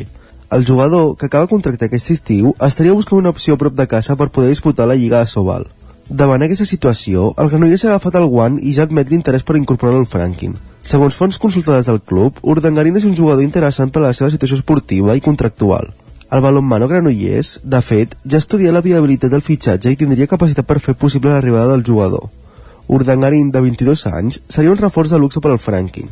Malgrat tenir fitxa del filial del Barça, el jugador ja ha tingut minuts amb el primer equip. Va debutar a la Lliga Sobal l'octubre del 2021 i des de llavors acumula 27 partits jugats i 44 gols a la màxima competició estatal. Aquesta temporada les xifres són de 12 partits i 20 gols, amb una mitjana d'1,66 dianes per maig. A més d'esportista, Pol Urdangarín també és conegut per ser fill de l'exjugador d'handbol Iñaki Urdangarín i la infanta Cristina de Borbó. Gràcies, Pol, sobretot per aquest apunt final de nota rosa d'aclariment. Acabem aquest repàs informatiu que començàvem al punt de les 10 en companyia de Pol Grau, Sergi Vives, Isaac Muntades i Roger Rams. Moment al territori 17 de saludar també el nostre home del temps, en Pep Acosta.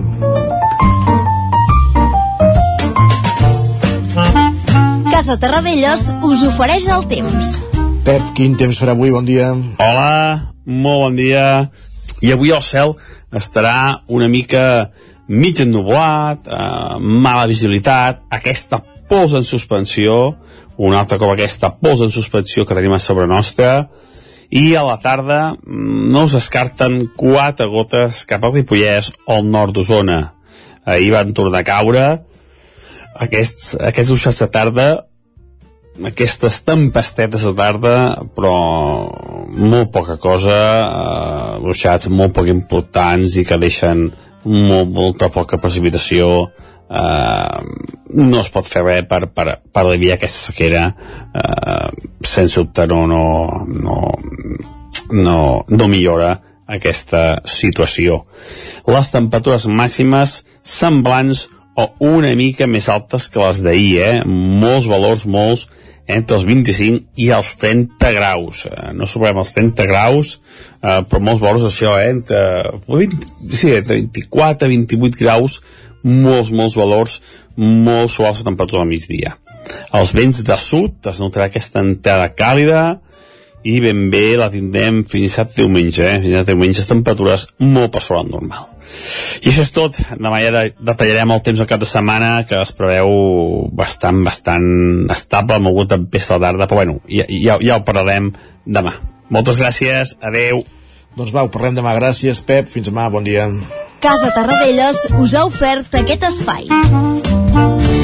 Territori 17. Envia'ns les teves notes de veu per WhatsApp al 646 079 023. 646 079 023. WhatsApp Territori 17.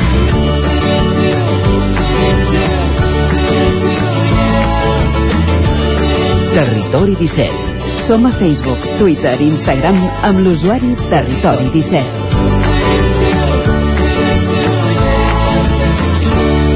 Quart d'onze del matí for, parlem de formatges, de formatges en premi, avui a la Fogland.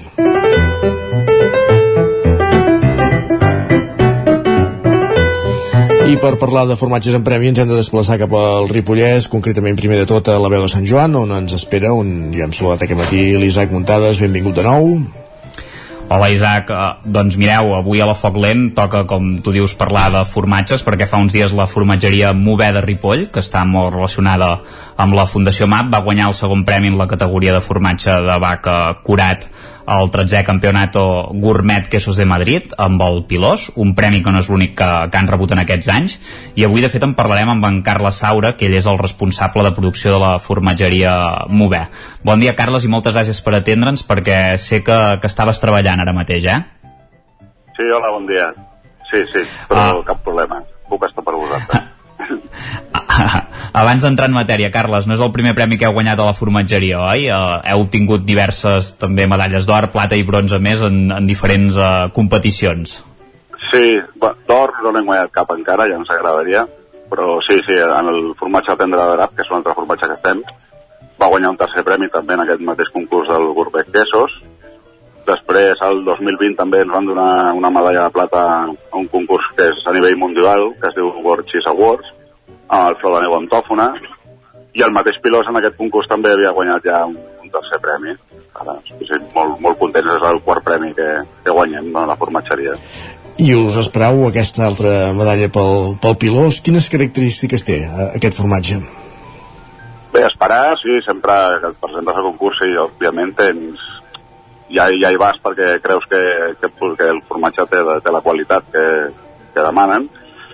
Sobretot és passar a la final. En aquest concurs, el primer tu envies uns formatges i ells fan una, una selecció. Llavors, si creuen que té prou qualitat, és quan passes a la final. A partir del moment en què ens diuen que arribem a la final, doncs ja és com un, com un premi, diguéssim, això. Després, si ja quedes segon, tercer o això, doncs, poder és el de menys, eh? Vull dir, ja, la feina ben feta, diguéssim, que ja està reconeguda arribant a la final. Uh -huh. I quines característiques... Les característiques, el, el formatge del, del Pilós és un formatge de, de llarga maduració, eh, és un formatge, bueno, amb llet de vaca, d'escorça de, rentada i pasta cuita. Eh, organolècticament té uns gustos eh, torrats, mantega salada, té també un punt picant en el, en el final. És un formatge fort, però sense ser tampoc molt extrem, ja que la llet de vaca també és més suau que la llet d'ovella i la de cabra. Mm -hmm. I a més a més és un formatge que amb què va bé acompanyar-lo? No sé com, si ens haguessis de recomanar com, com te'l menjaries tu, no sé si el, te'l menjaries sol, acompanyat, si es pot integrar amb un plat, sí. entenc que es pot fer de totes les maneres, eh? però... Mm. Justament pel, pels que té un gust més fort, mm, crec que val la pena menjar-lo menjar, -lo, sol després acompanyat doncs, poder, no sé, amb una cervesa, una cervesa artesana, d'aquestes que també tenen gustos així torrats o, o un vi escumós. Uh -huh. Però el formatge en si, més que cuinar amb ell i això, jo, és més per menjar-lo sol. La formatgeria, molt bé, com deia l'Isaac a l'inici, és una formatgeria vinculada a la Fundació MAP de, de Ripoll, que és una formatgeria en si, que no té granja associada. La llet d'on surt? Perquè si no tinc mal entès, fins fa pocs mesos treballeu amb la granja La Fulcrà de Sant Joan de les Abadeses, que anunciava que, que deixava de produir llet de vaca, que es treia les vaques. Amb qui treballeu actualment? D'on prové la llet de, de les vostres amb la que treballeu? Com la que elaboreu els La llet formatges? ve, d'una granja que es diu Mas Molí, que està a Sant Joan de les Abadeses, la tenim aquí a res, a 5 quilòmetres d'on- de l'Obrador. Uh -huh. I treballeu només amb llet de vaca? Sí, sí, sí. Com, com, a, com està aquest, aquest sector? No sé si uh, costa eh, que, que arribi, pot ser, la, la llet és, és complicat, perquè Sí, també... aquí el Ripollès, ara sí, diguéssim que aquesta granja és l'única que queda que sigui gran, diguéssim, o sigui, hi ha més explotacions, són més petites i que també produeixen formatges o altres làctics, però la producció que tenen és més poder per autoconsum i així més gran seria la seria la última. I ara, com, com tothom, doncs estem patint el, la pujada del preu de la llet i, i, i tot això. Però bé, bueno, al moment la llet l'anem agafant d'aquí de Mas Morir. El millor de tot és que feu una funció social, oi, Carles, i podeu donar feina a gent amb, amb algun tipus de discapacitat. No sé quanta gent teniu treballant aquí a, a l'Obrador i quanta gent formeu a aquest equip. Sí, aquí a l'Obrador tenim cinc persones que tenen un certificat de discapacitat i llavors jo que sóc l'encarregat de la producció i el responsable de, de la formatgeria també, som, som set persones. Uh -huh.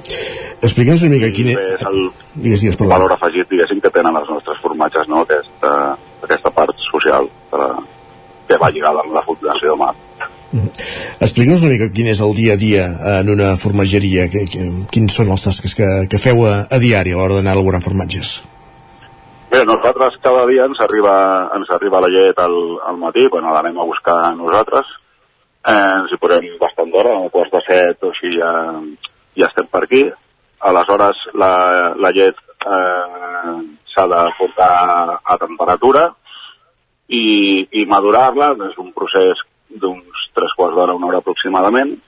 Aleshores és quan està a punt per tirar el quai i un cop quallada, llavors ja depèn del tipus de formatge que fem, eh, s'actua d'una manera o una altra. Diguéssim, hi ha diferents tècniques segons si el formatge ha de ser més, més tendre.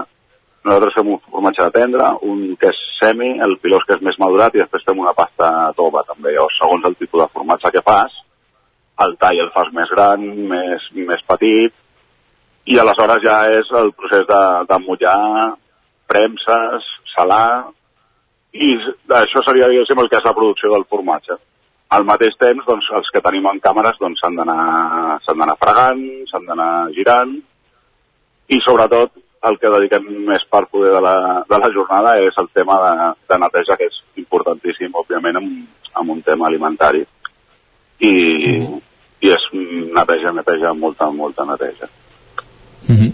a, a banda del pilós comentes això, eh, que vosaltres elaboreu altres tipus de formatges, no sé quins esteu elaborant. Abans també m'has parlat d'alguns que estaven eh, que, que van ser premiats. Qui, quins elaboreu ara mateix a banda del pilós? I quines Mira, tenim un, un format que es diu Flor de Neu, que és un format així com més petit, és una, és una pasta tova, és un formatge que a mesura que van passant les setmanes es va tornant cremós, seria un estil camembert, diguéssim, perquè ens entenguem. Llavors fem també el tendre de drap, que ja, com diu el seu nom, és un, així, un formatge molt, molt tendre, és un formatge més, o sigui, tots són de vaca, eh, com hem parlat abans. Aleshores, el tendre de drap és un formatge més, més suau, és un formatge que fon molt bé per fer, per exemple, amb entrepans o, o pizzas i això. Aleshores fem el sotabosc, el sotabosc és un formatge semimadurat, amb escorça florida. Això vol dir que quan està a la càmera, eh, hi, ha gent que, o sigui, per, vol dir que l'escorça té fong, vale, de l'escorça florida. Aleshores, aquest fong hi ha gent que, que l'inocula i nosaltres ho fem a través, o sigui, d'una manera natural. La càmera de maduració té una entrada d'aire, a la nit s'obre durant una estona el fong que tenim a l'ambient aquí al Ripollès, doncs és el que s'implanta en el formatge. I llavors, el, per últim, el pilós, que ja amb el que hem estat parlant.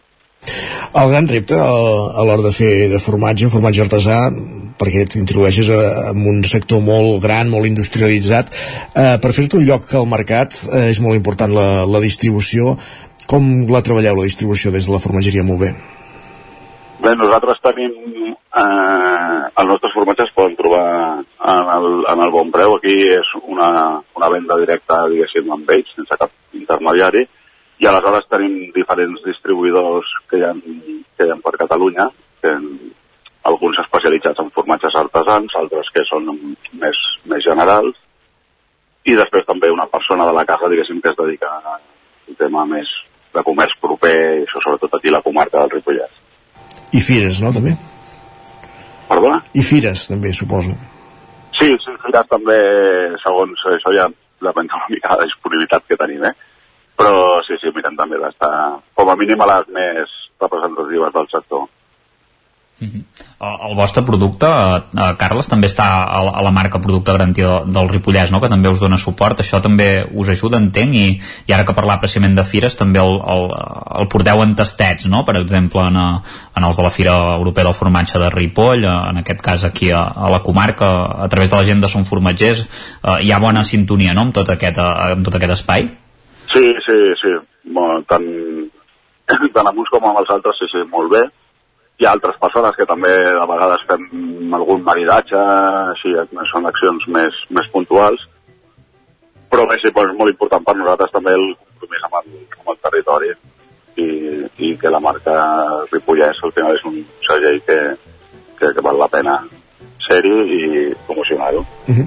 Ja per últim, quina producció feu? Quants litres de llet entren a la, a la formatgeria al dia? Uh, estem al voltant de 1.000 litres, si fa no fa. Uh -huh. És en Carles Saura, el coordinador el responsable d'aquesta formageria, de la formageria Mover del Ripollès, una formageria amb valor social afegit, perquè penja de la Fundació MAP, i que, com bé dèiem, el motiu de l'entrevista va lligat a, aquest premi la setmana passada al Campionat Gourmet Quesos de Madrid amb un dels seus formatges, amb, amb el Pilós. Carles, moltíssimes gràcies per acompanyar-nos. Molt bé, gràcies a vosaltres pel vostre interès. I que vagi molt bé, bon dia. Vinga, bon dia. Doncs hem parlat d'aquest premi, d'aquest formatge, avui a la Foc Lent, l'espai que dediquem cada setmana a la cuina, al producte aquí al territori 17, i ens ha acompanyat també l'Isaac Montades. Isaac, eh, parlem d'aquí una estona. Fins ara, bon dia. Fins ara, bon dia. Adéu. Avancem al territori 17. Uh, després de la Foc Lent farem una petita pausa, però tornem amb la resta de continguts previstos per aquest matí de dijous. Ja ens espera en Guillem Sánchez amb el més interessant que ha trobat a Twitter després d'una jornada d'un partit eh, tardà de Lliga, tardà perquè va jugar a les 10 de la nit, gairebé tombada del dia, i el que el Barça va perdre el camp del Rayo Vallecano. Suposo que una part de les pilades que ens portaran Guillem aniran per aquí, però n'hi haurà més. I també parlarem de cinema, com cada dijous, en companyia d'en Gerard Fosses i en Joan Garcia des de la peu de Sant Joan, repassant les estrenes a les cartelleres dels cinemes de casa nostra i fent, en fi, i de tota l'actualitat cinematogràfica. Com dèiem, serà d'aquí 3 minutets, fem una petita pausa al territori 17 i avancem amb la resta de continguts previstos per aquest matí de dijous 27 d'abril. El nou FM, la ràdio de casa, al 92.8. A Boi Galtés trobaràs tot el que necessites relacionat amb l'equitació, t'assessorem i t'equipem amb tot el que et faci falta. Som especialistes. No ho dubtis i vine a Boi Galtés. Ens trobaràs al carrer Jaume I de Vic, número 5, al 93 886 1420, a la nostra web www.boigaltés.es i també som a Instagram boigaltés.equitació. Per moure't, lloga un cotxe ALR. Per moure la família, lloga un minibús ALR. Per moure coses, lloga una furgoneta ALR. Per moure la casa, lloga un camió ALR. Lloguer de cotxes, furgonetes i camions ALR.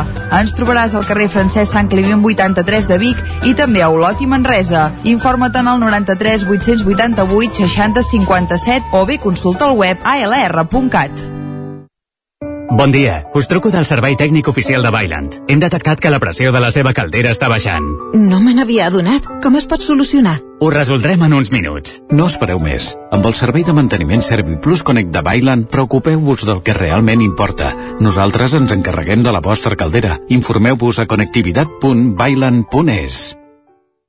Ser a prop vol dir veure les coses més bé. Apropa't al que t'interessa amb la xarxa Més. La teva plataforma audiovisual de qualitat, proximitat i gratuïta. Gaudeix dels continguts de més de 30 televisions locals i podcast quan, com i on tu vulguis. Entra a la xarxa més.cat i descarrega't l'app. Cocodril Club. Si t'agrada la bona música dels anys 60, 70 i 80, escolta el 9 FM els matins de dissabtes i diumenges d'11 a 1. És el temps del Cocodril Club, tot un clàssic de la ràdio, amb les bases del pop-rock, les llegendes, les cançons que s'han convertit en autèntics himnes. Recorda, dissabtes i diumenges al matí, d'11 a 1, al 9 FM 92.8. Cocodril Club, el programa revival de l'Albert Malla. Hasta luego. Bon dia, són les 9 al Territori 17. La Miquel Parella. Cada matí i durant dues hores t'acompanyem i et posem al dia de l'actualitat de casa nostra. Potenciant així l'autonomia En aquest cas me la peça el taler si no... Cursos per feminitzar el pensament masculí. Territori 17, el magazín matinal d'Osona, el Moianès, el Ripollès i el Vallès Que Oriental. la meva àvia de 93 El anys... 9 FM, el 9 TV, el 99.cat i també els nostres canals de Twitch i Té YouTube. demà per fer-se un tatuatge. Cada matí, Territori 17. Ole. Anuncia't al 9FM. La ràdio de casa. 9 3 8 8 9 4 9 4 9 Publicitat arroba al 9FM.cat. Anuncia't al 9FM. La publicitat més eficaç. El 9 FM, el 9 FM, el 9 FM. En punt dos quarts d'onze al territori 17.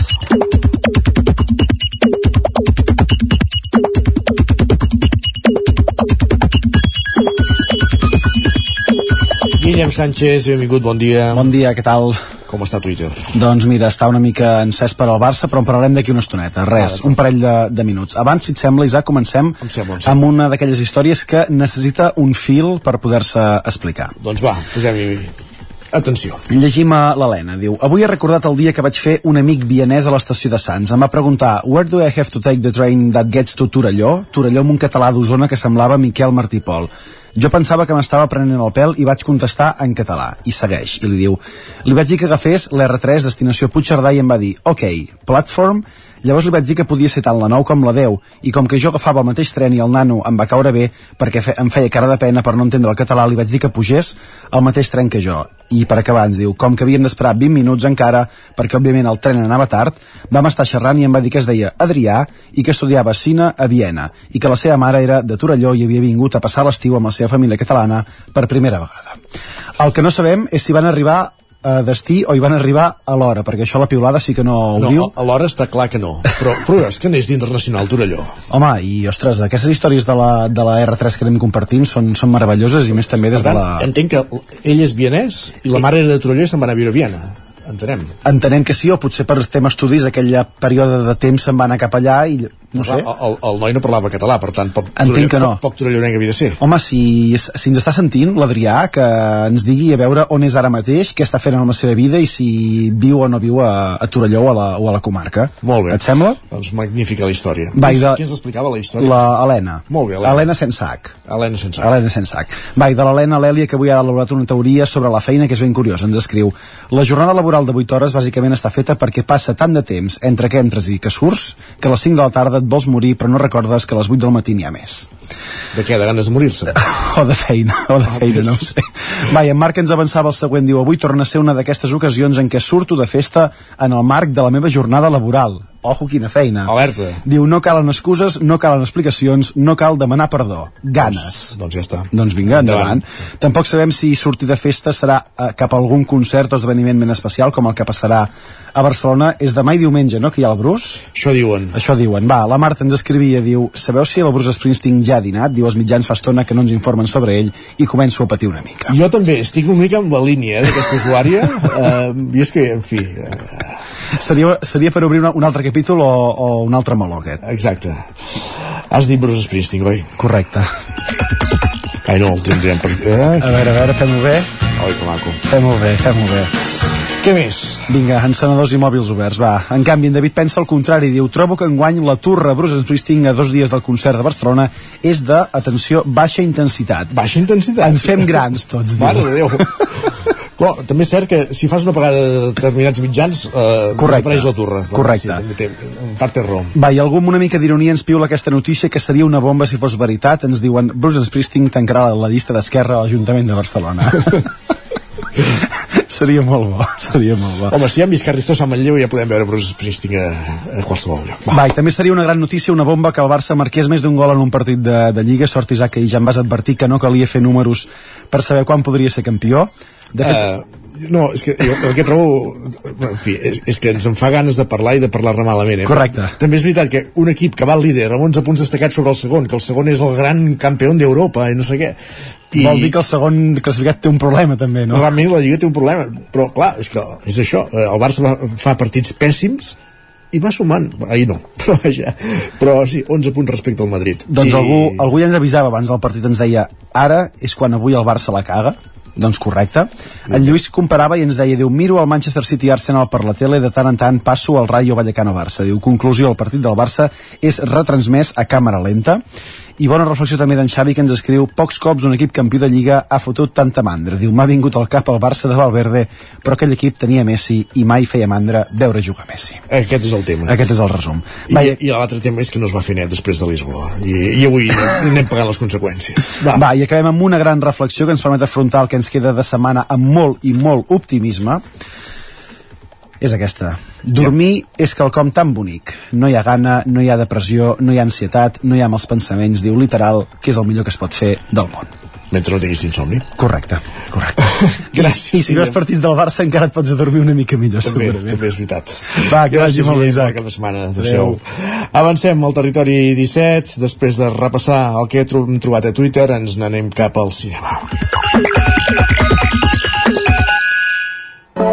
Territori 17, el 9 FM, la veu de Sant Joan, Ona Codinenca, Ràdio Cardedeu, Territori 17. I ja sabeu que el cinema al Territori 17 és sinònim de la veu de Sant Joan, cap on anem ara que passen 5 minuts i mig de dos quarts d'onze del matí.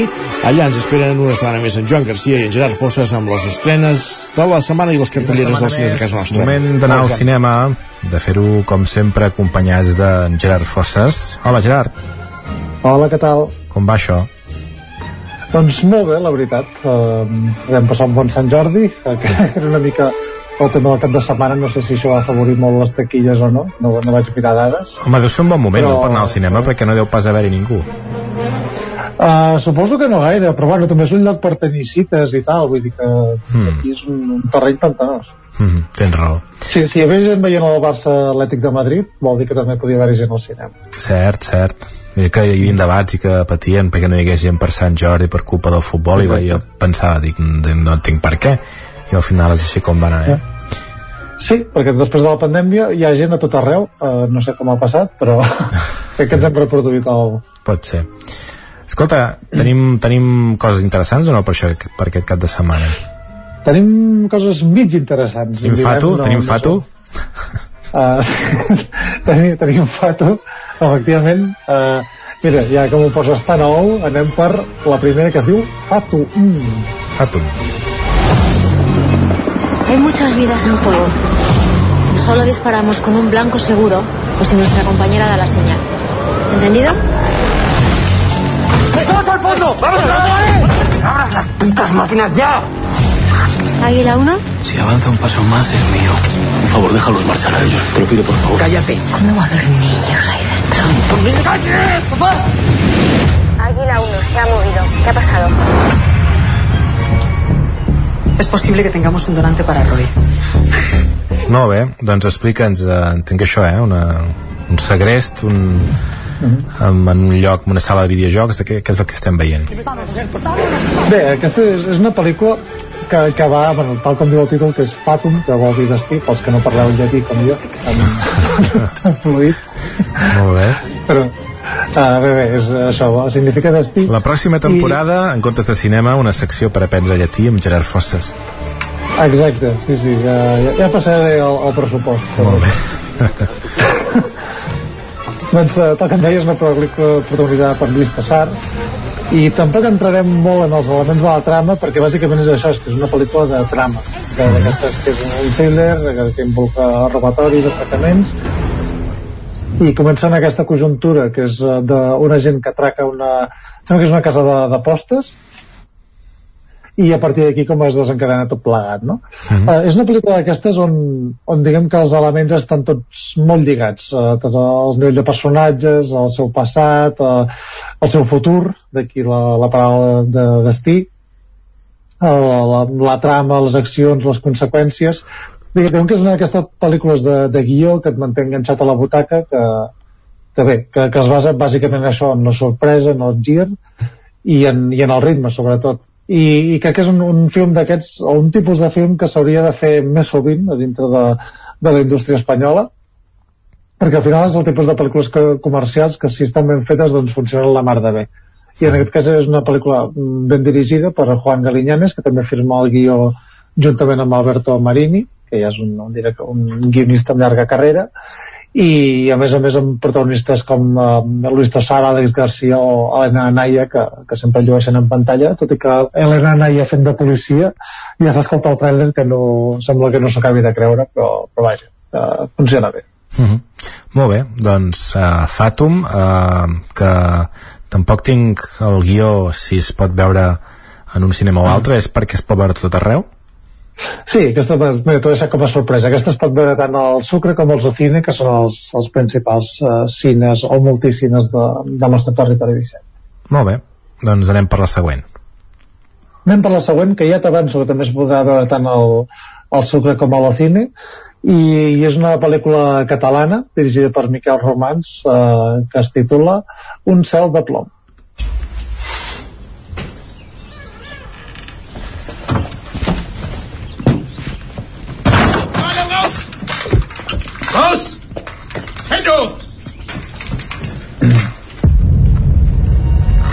Choses horribles sur les Cancers, c'est vrai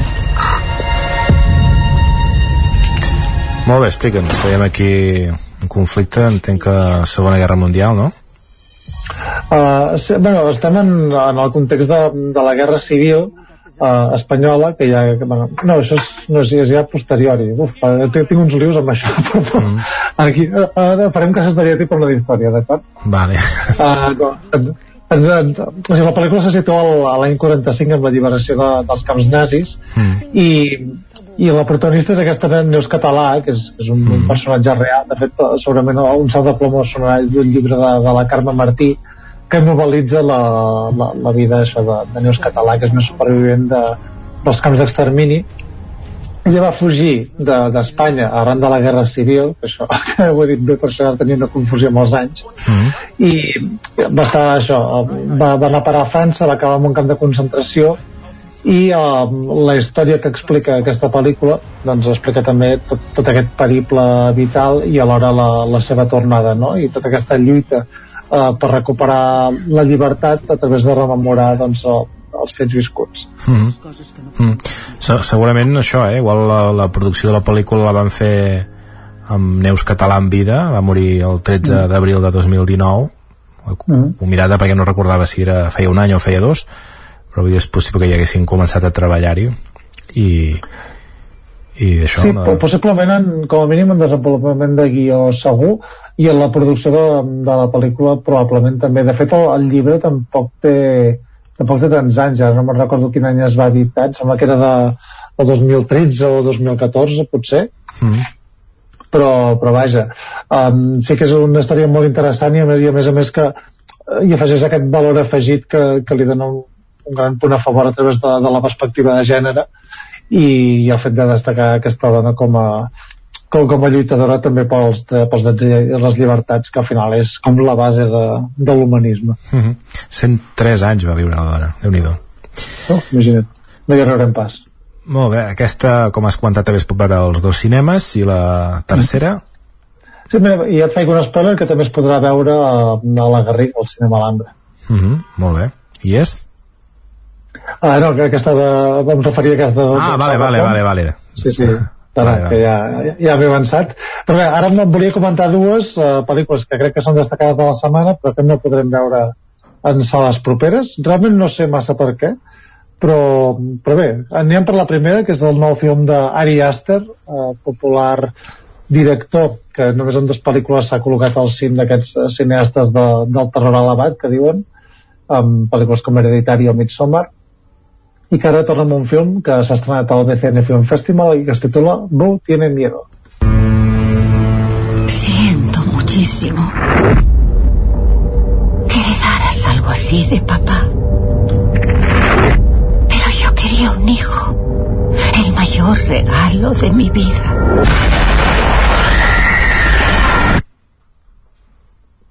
Mañana voy a ver a mi madre. Tesoro. Soy mamá. Solo llamaba para decirte que me muero de ganas de verte mañana. Eres mi angelito. Semblava una pel·lícula de por, però no, no és el cas? Uh, és una mica de tot. És, és de fet una d'aquestes pel·lícules tan estranyes que, que és molt difícil de classificar. És com una comèdia de terror o una, o una pel·lícula de terror amb tocs de comèdia. I al final és la història d'una vida de- d'aquest personatge que es diu Bo, um, interpretat per Joaquín Phoenix. I, i bàsicament la, la trama és com uh, uh, una aventura bastant paranoica uh, per, uh, que, que es gira al voltant de la relació amb la, amb la seva mare no? que és aquest, aquest personatge uh, absolutament conflictiu, controlador i que li, li defineix tota l'existència i uh, la pel·lícula és com una mena de viatge en el qual he d'arribar a casa d'aquesta dona i, bé, i és aquest viatge físic que es converteix alhora en un viatge vital. Um, és d'aquelles pel·lícules que és, això, és molt difícil de qualificar i dic, jo encara no l'he vista. Um, i Ari Aster és un director que, que m'interessa bastant alhora que no m'estan agradant les seves pel·lícules i aquesta he de dir que és la que genera més controvèrsia segurament. Hi ha, hi ha gent que odia uh, absolutament la pel·lícula hi ha gent que l'adora i crec que això és el que la fa una mica gran o una mica interessant no? És de, el que es veu clarament al trailer és que és una d'aquestes pel·lícules molt lliures i, i que bé, només per aquest fet i el fet que hi hagi un director amb aquesta personalitat que presenti una obra d'aquest tipus doncs com a mínim val la pena enfrescar-s'hi. Llavors si ja ens agrada o no eh, és cosa de, és una opinió després però bueno, crec que perdre el temps no, no ho farem Molt bé, doncs esperem que en algun moment potser alguna filmoteca o alguna d'aquestes sales més petites la, la pugui recuperar. Bo tiene miedo. I uh, quarta pel·lícula, n'hi ha quatre aquest, aquesta setmana. Sí, avui n'he posat quatre, que aquesta em venia de gust destacar-la, perquè és l'estrena eh, quasi bé subterrània i discreta de, de la guanyadora de l'últim festival de Sitges, cosa que sol passar a vegades. Recordem que és una pel·lícula d'acció que ve de Finlàndia i que es titula Sisu. El cabrón es un buscador de oro. ¡Somos ricos! Arrodíllate. ¡Dispara este cabrón! ¡Tenemos oro!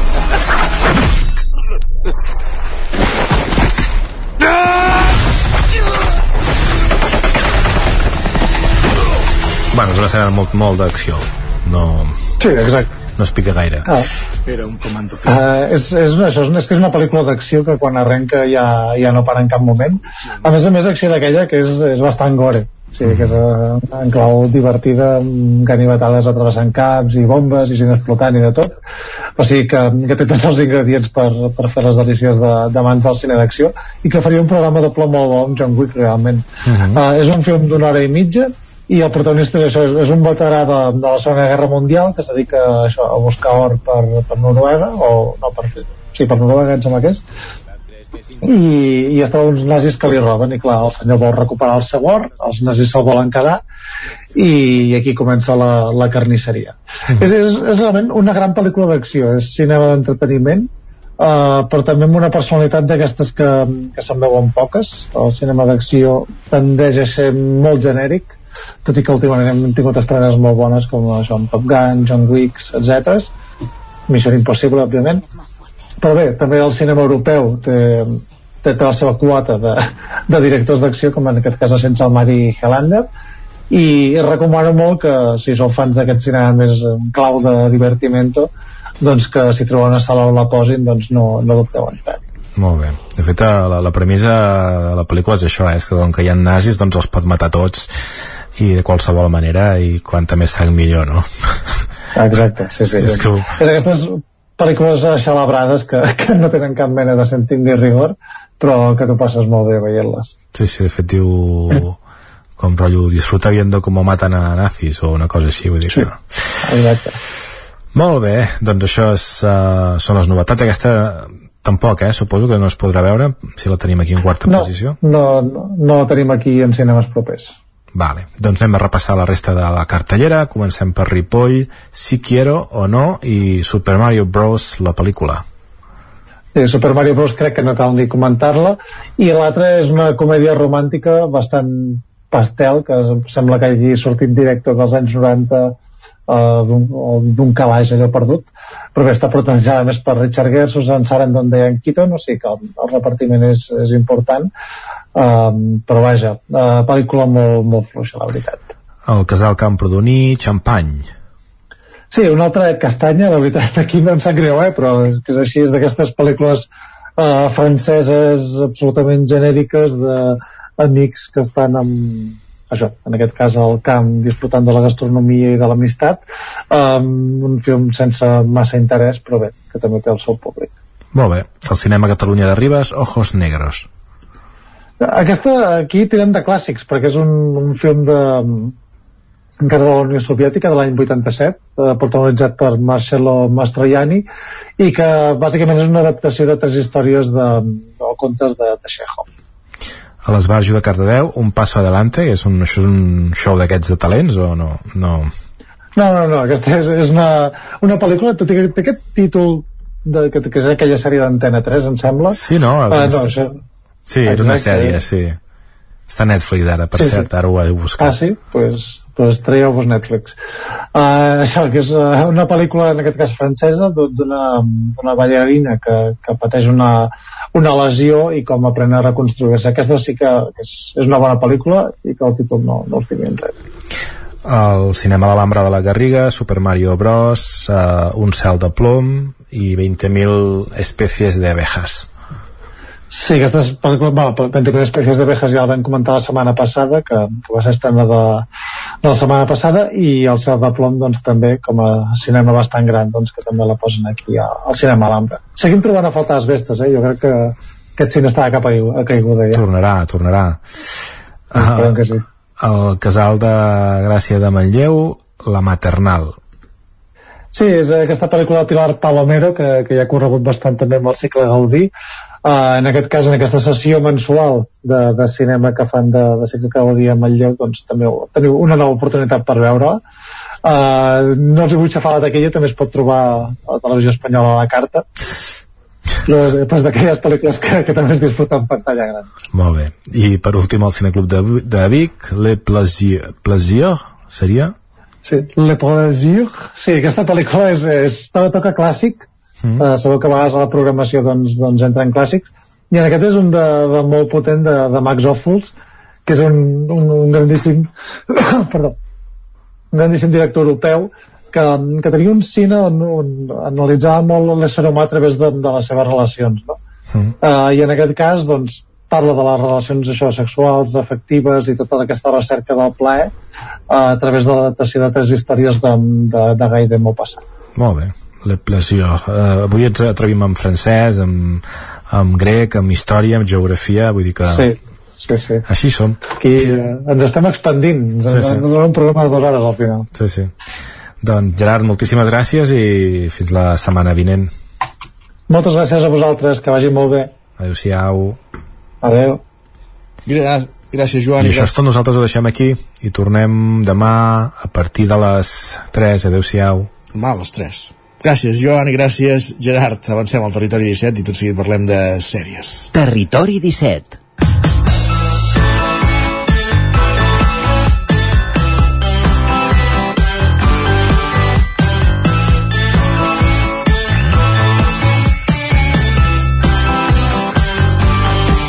I a la recta final del programa, eh, per parlar de sèries, ens acompanyen en Pol Grau i l'Isaac Muntades. Benvinguts a tots dos.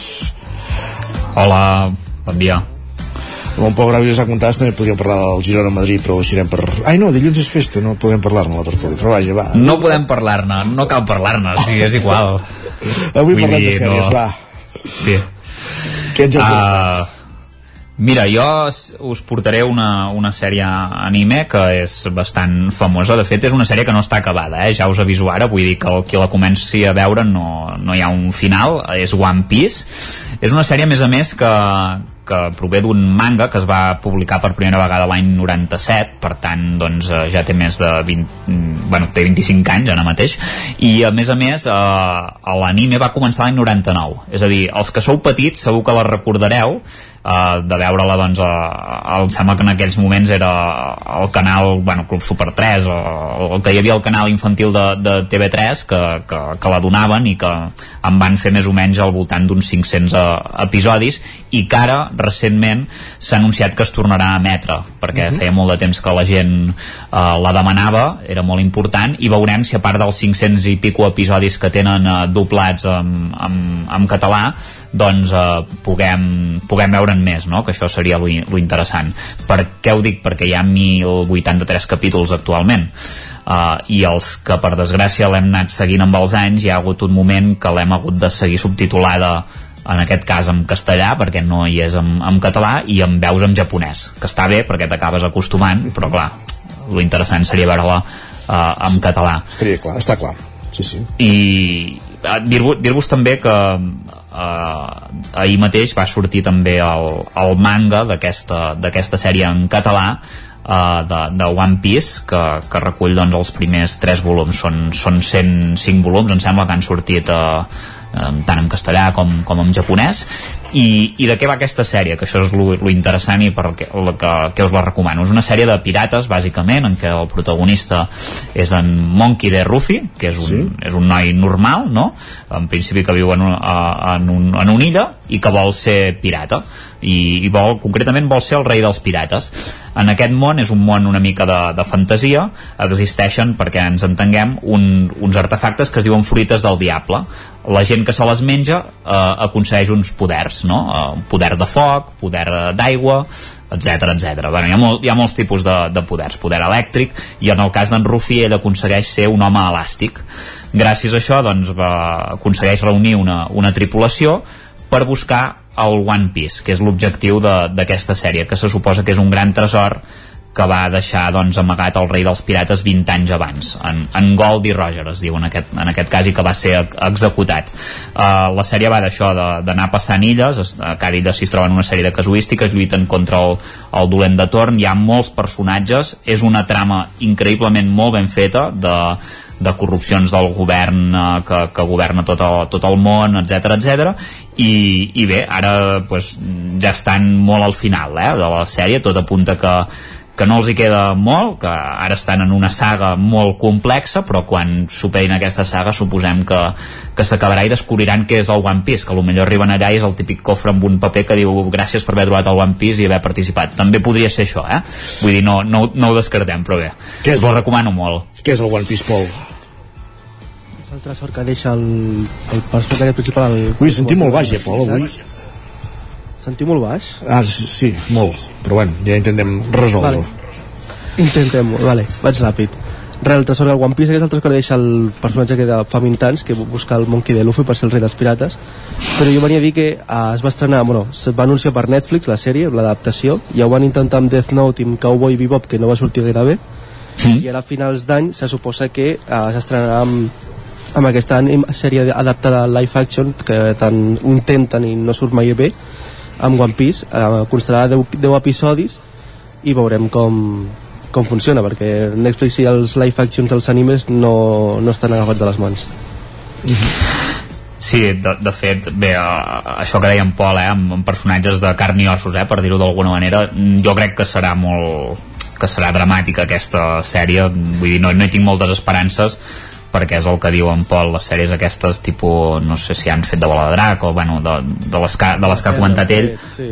sí, no acaben de sortir gaire bé i a més a més només 10 capítols, clar, que, quina saga agafes? Si hi ha sagues que per si soles ja tenen cent i pico capítols vull dir, és, és, és complicat evidentment en els animes sempre diem allò que hi ha molta palla, hi ha molt relleno en castellà però palla en català sí. farciment, exacte de molta cosa que no, no es diu massa res per això també us recomano que us, us llegiu el manga que també es va més, més al gra i, i pot, ser, pot ser interessant. Però bueno, en, en tot cas és una sèrie que és molt, molt recomanable i que, i que hi ha molta, molt de furor eh, durant tots aquests anys que s'ha anat emetent. Doncs One Piece, avui n'hem parlat. Digues Pol, perdona. També va haver-hi farciment de gols l'altre dia a Montilivi. Ja està. també, també no, no s'ha mutat, eh? Està, està, aguanta estoicament aquí les, les embestides. Gràcies a tots dos, parlem demà. Bon dia. Bon dia. Demà. demà farciment, no, no va ser farciment de vols, va ser una pugeu. Va, acabem el territori 17, d'avui us hem acompanyat des de les 9 del matí Pepa Costa, Maria López, Guillem Sánchez, Gerard Fossa, Joan Garcia, Roger Rams, Pol Grau, Isaac Montada, Sergi Vives i Isaac Moreno. I tornem demà a partir de les 9 del matí fins a les hores. Gràcies per ser-hi, molt bon dijous, adeu-siau i felicitats als Montsers. Territori 17 un magazín del nou FM. La veu de Sant Joan, Ona Codinenca i Ràdio Cardedeu amb el suport de la xarxa.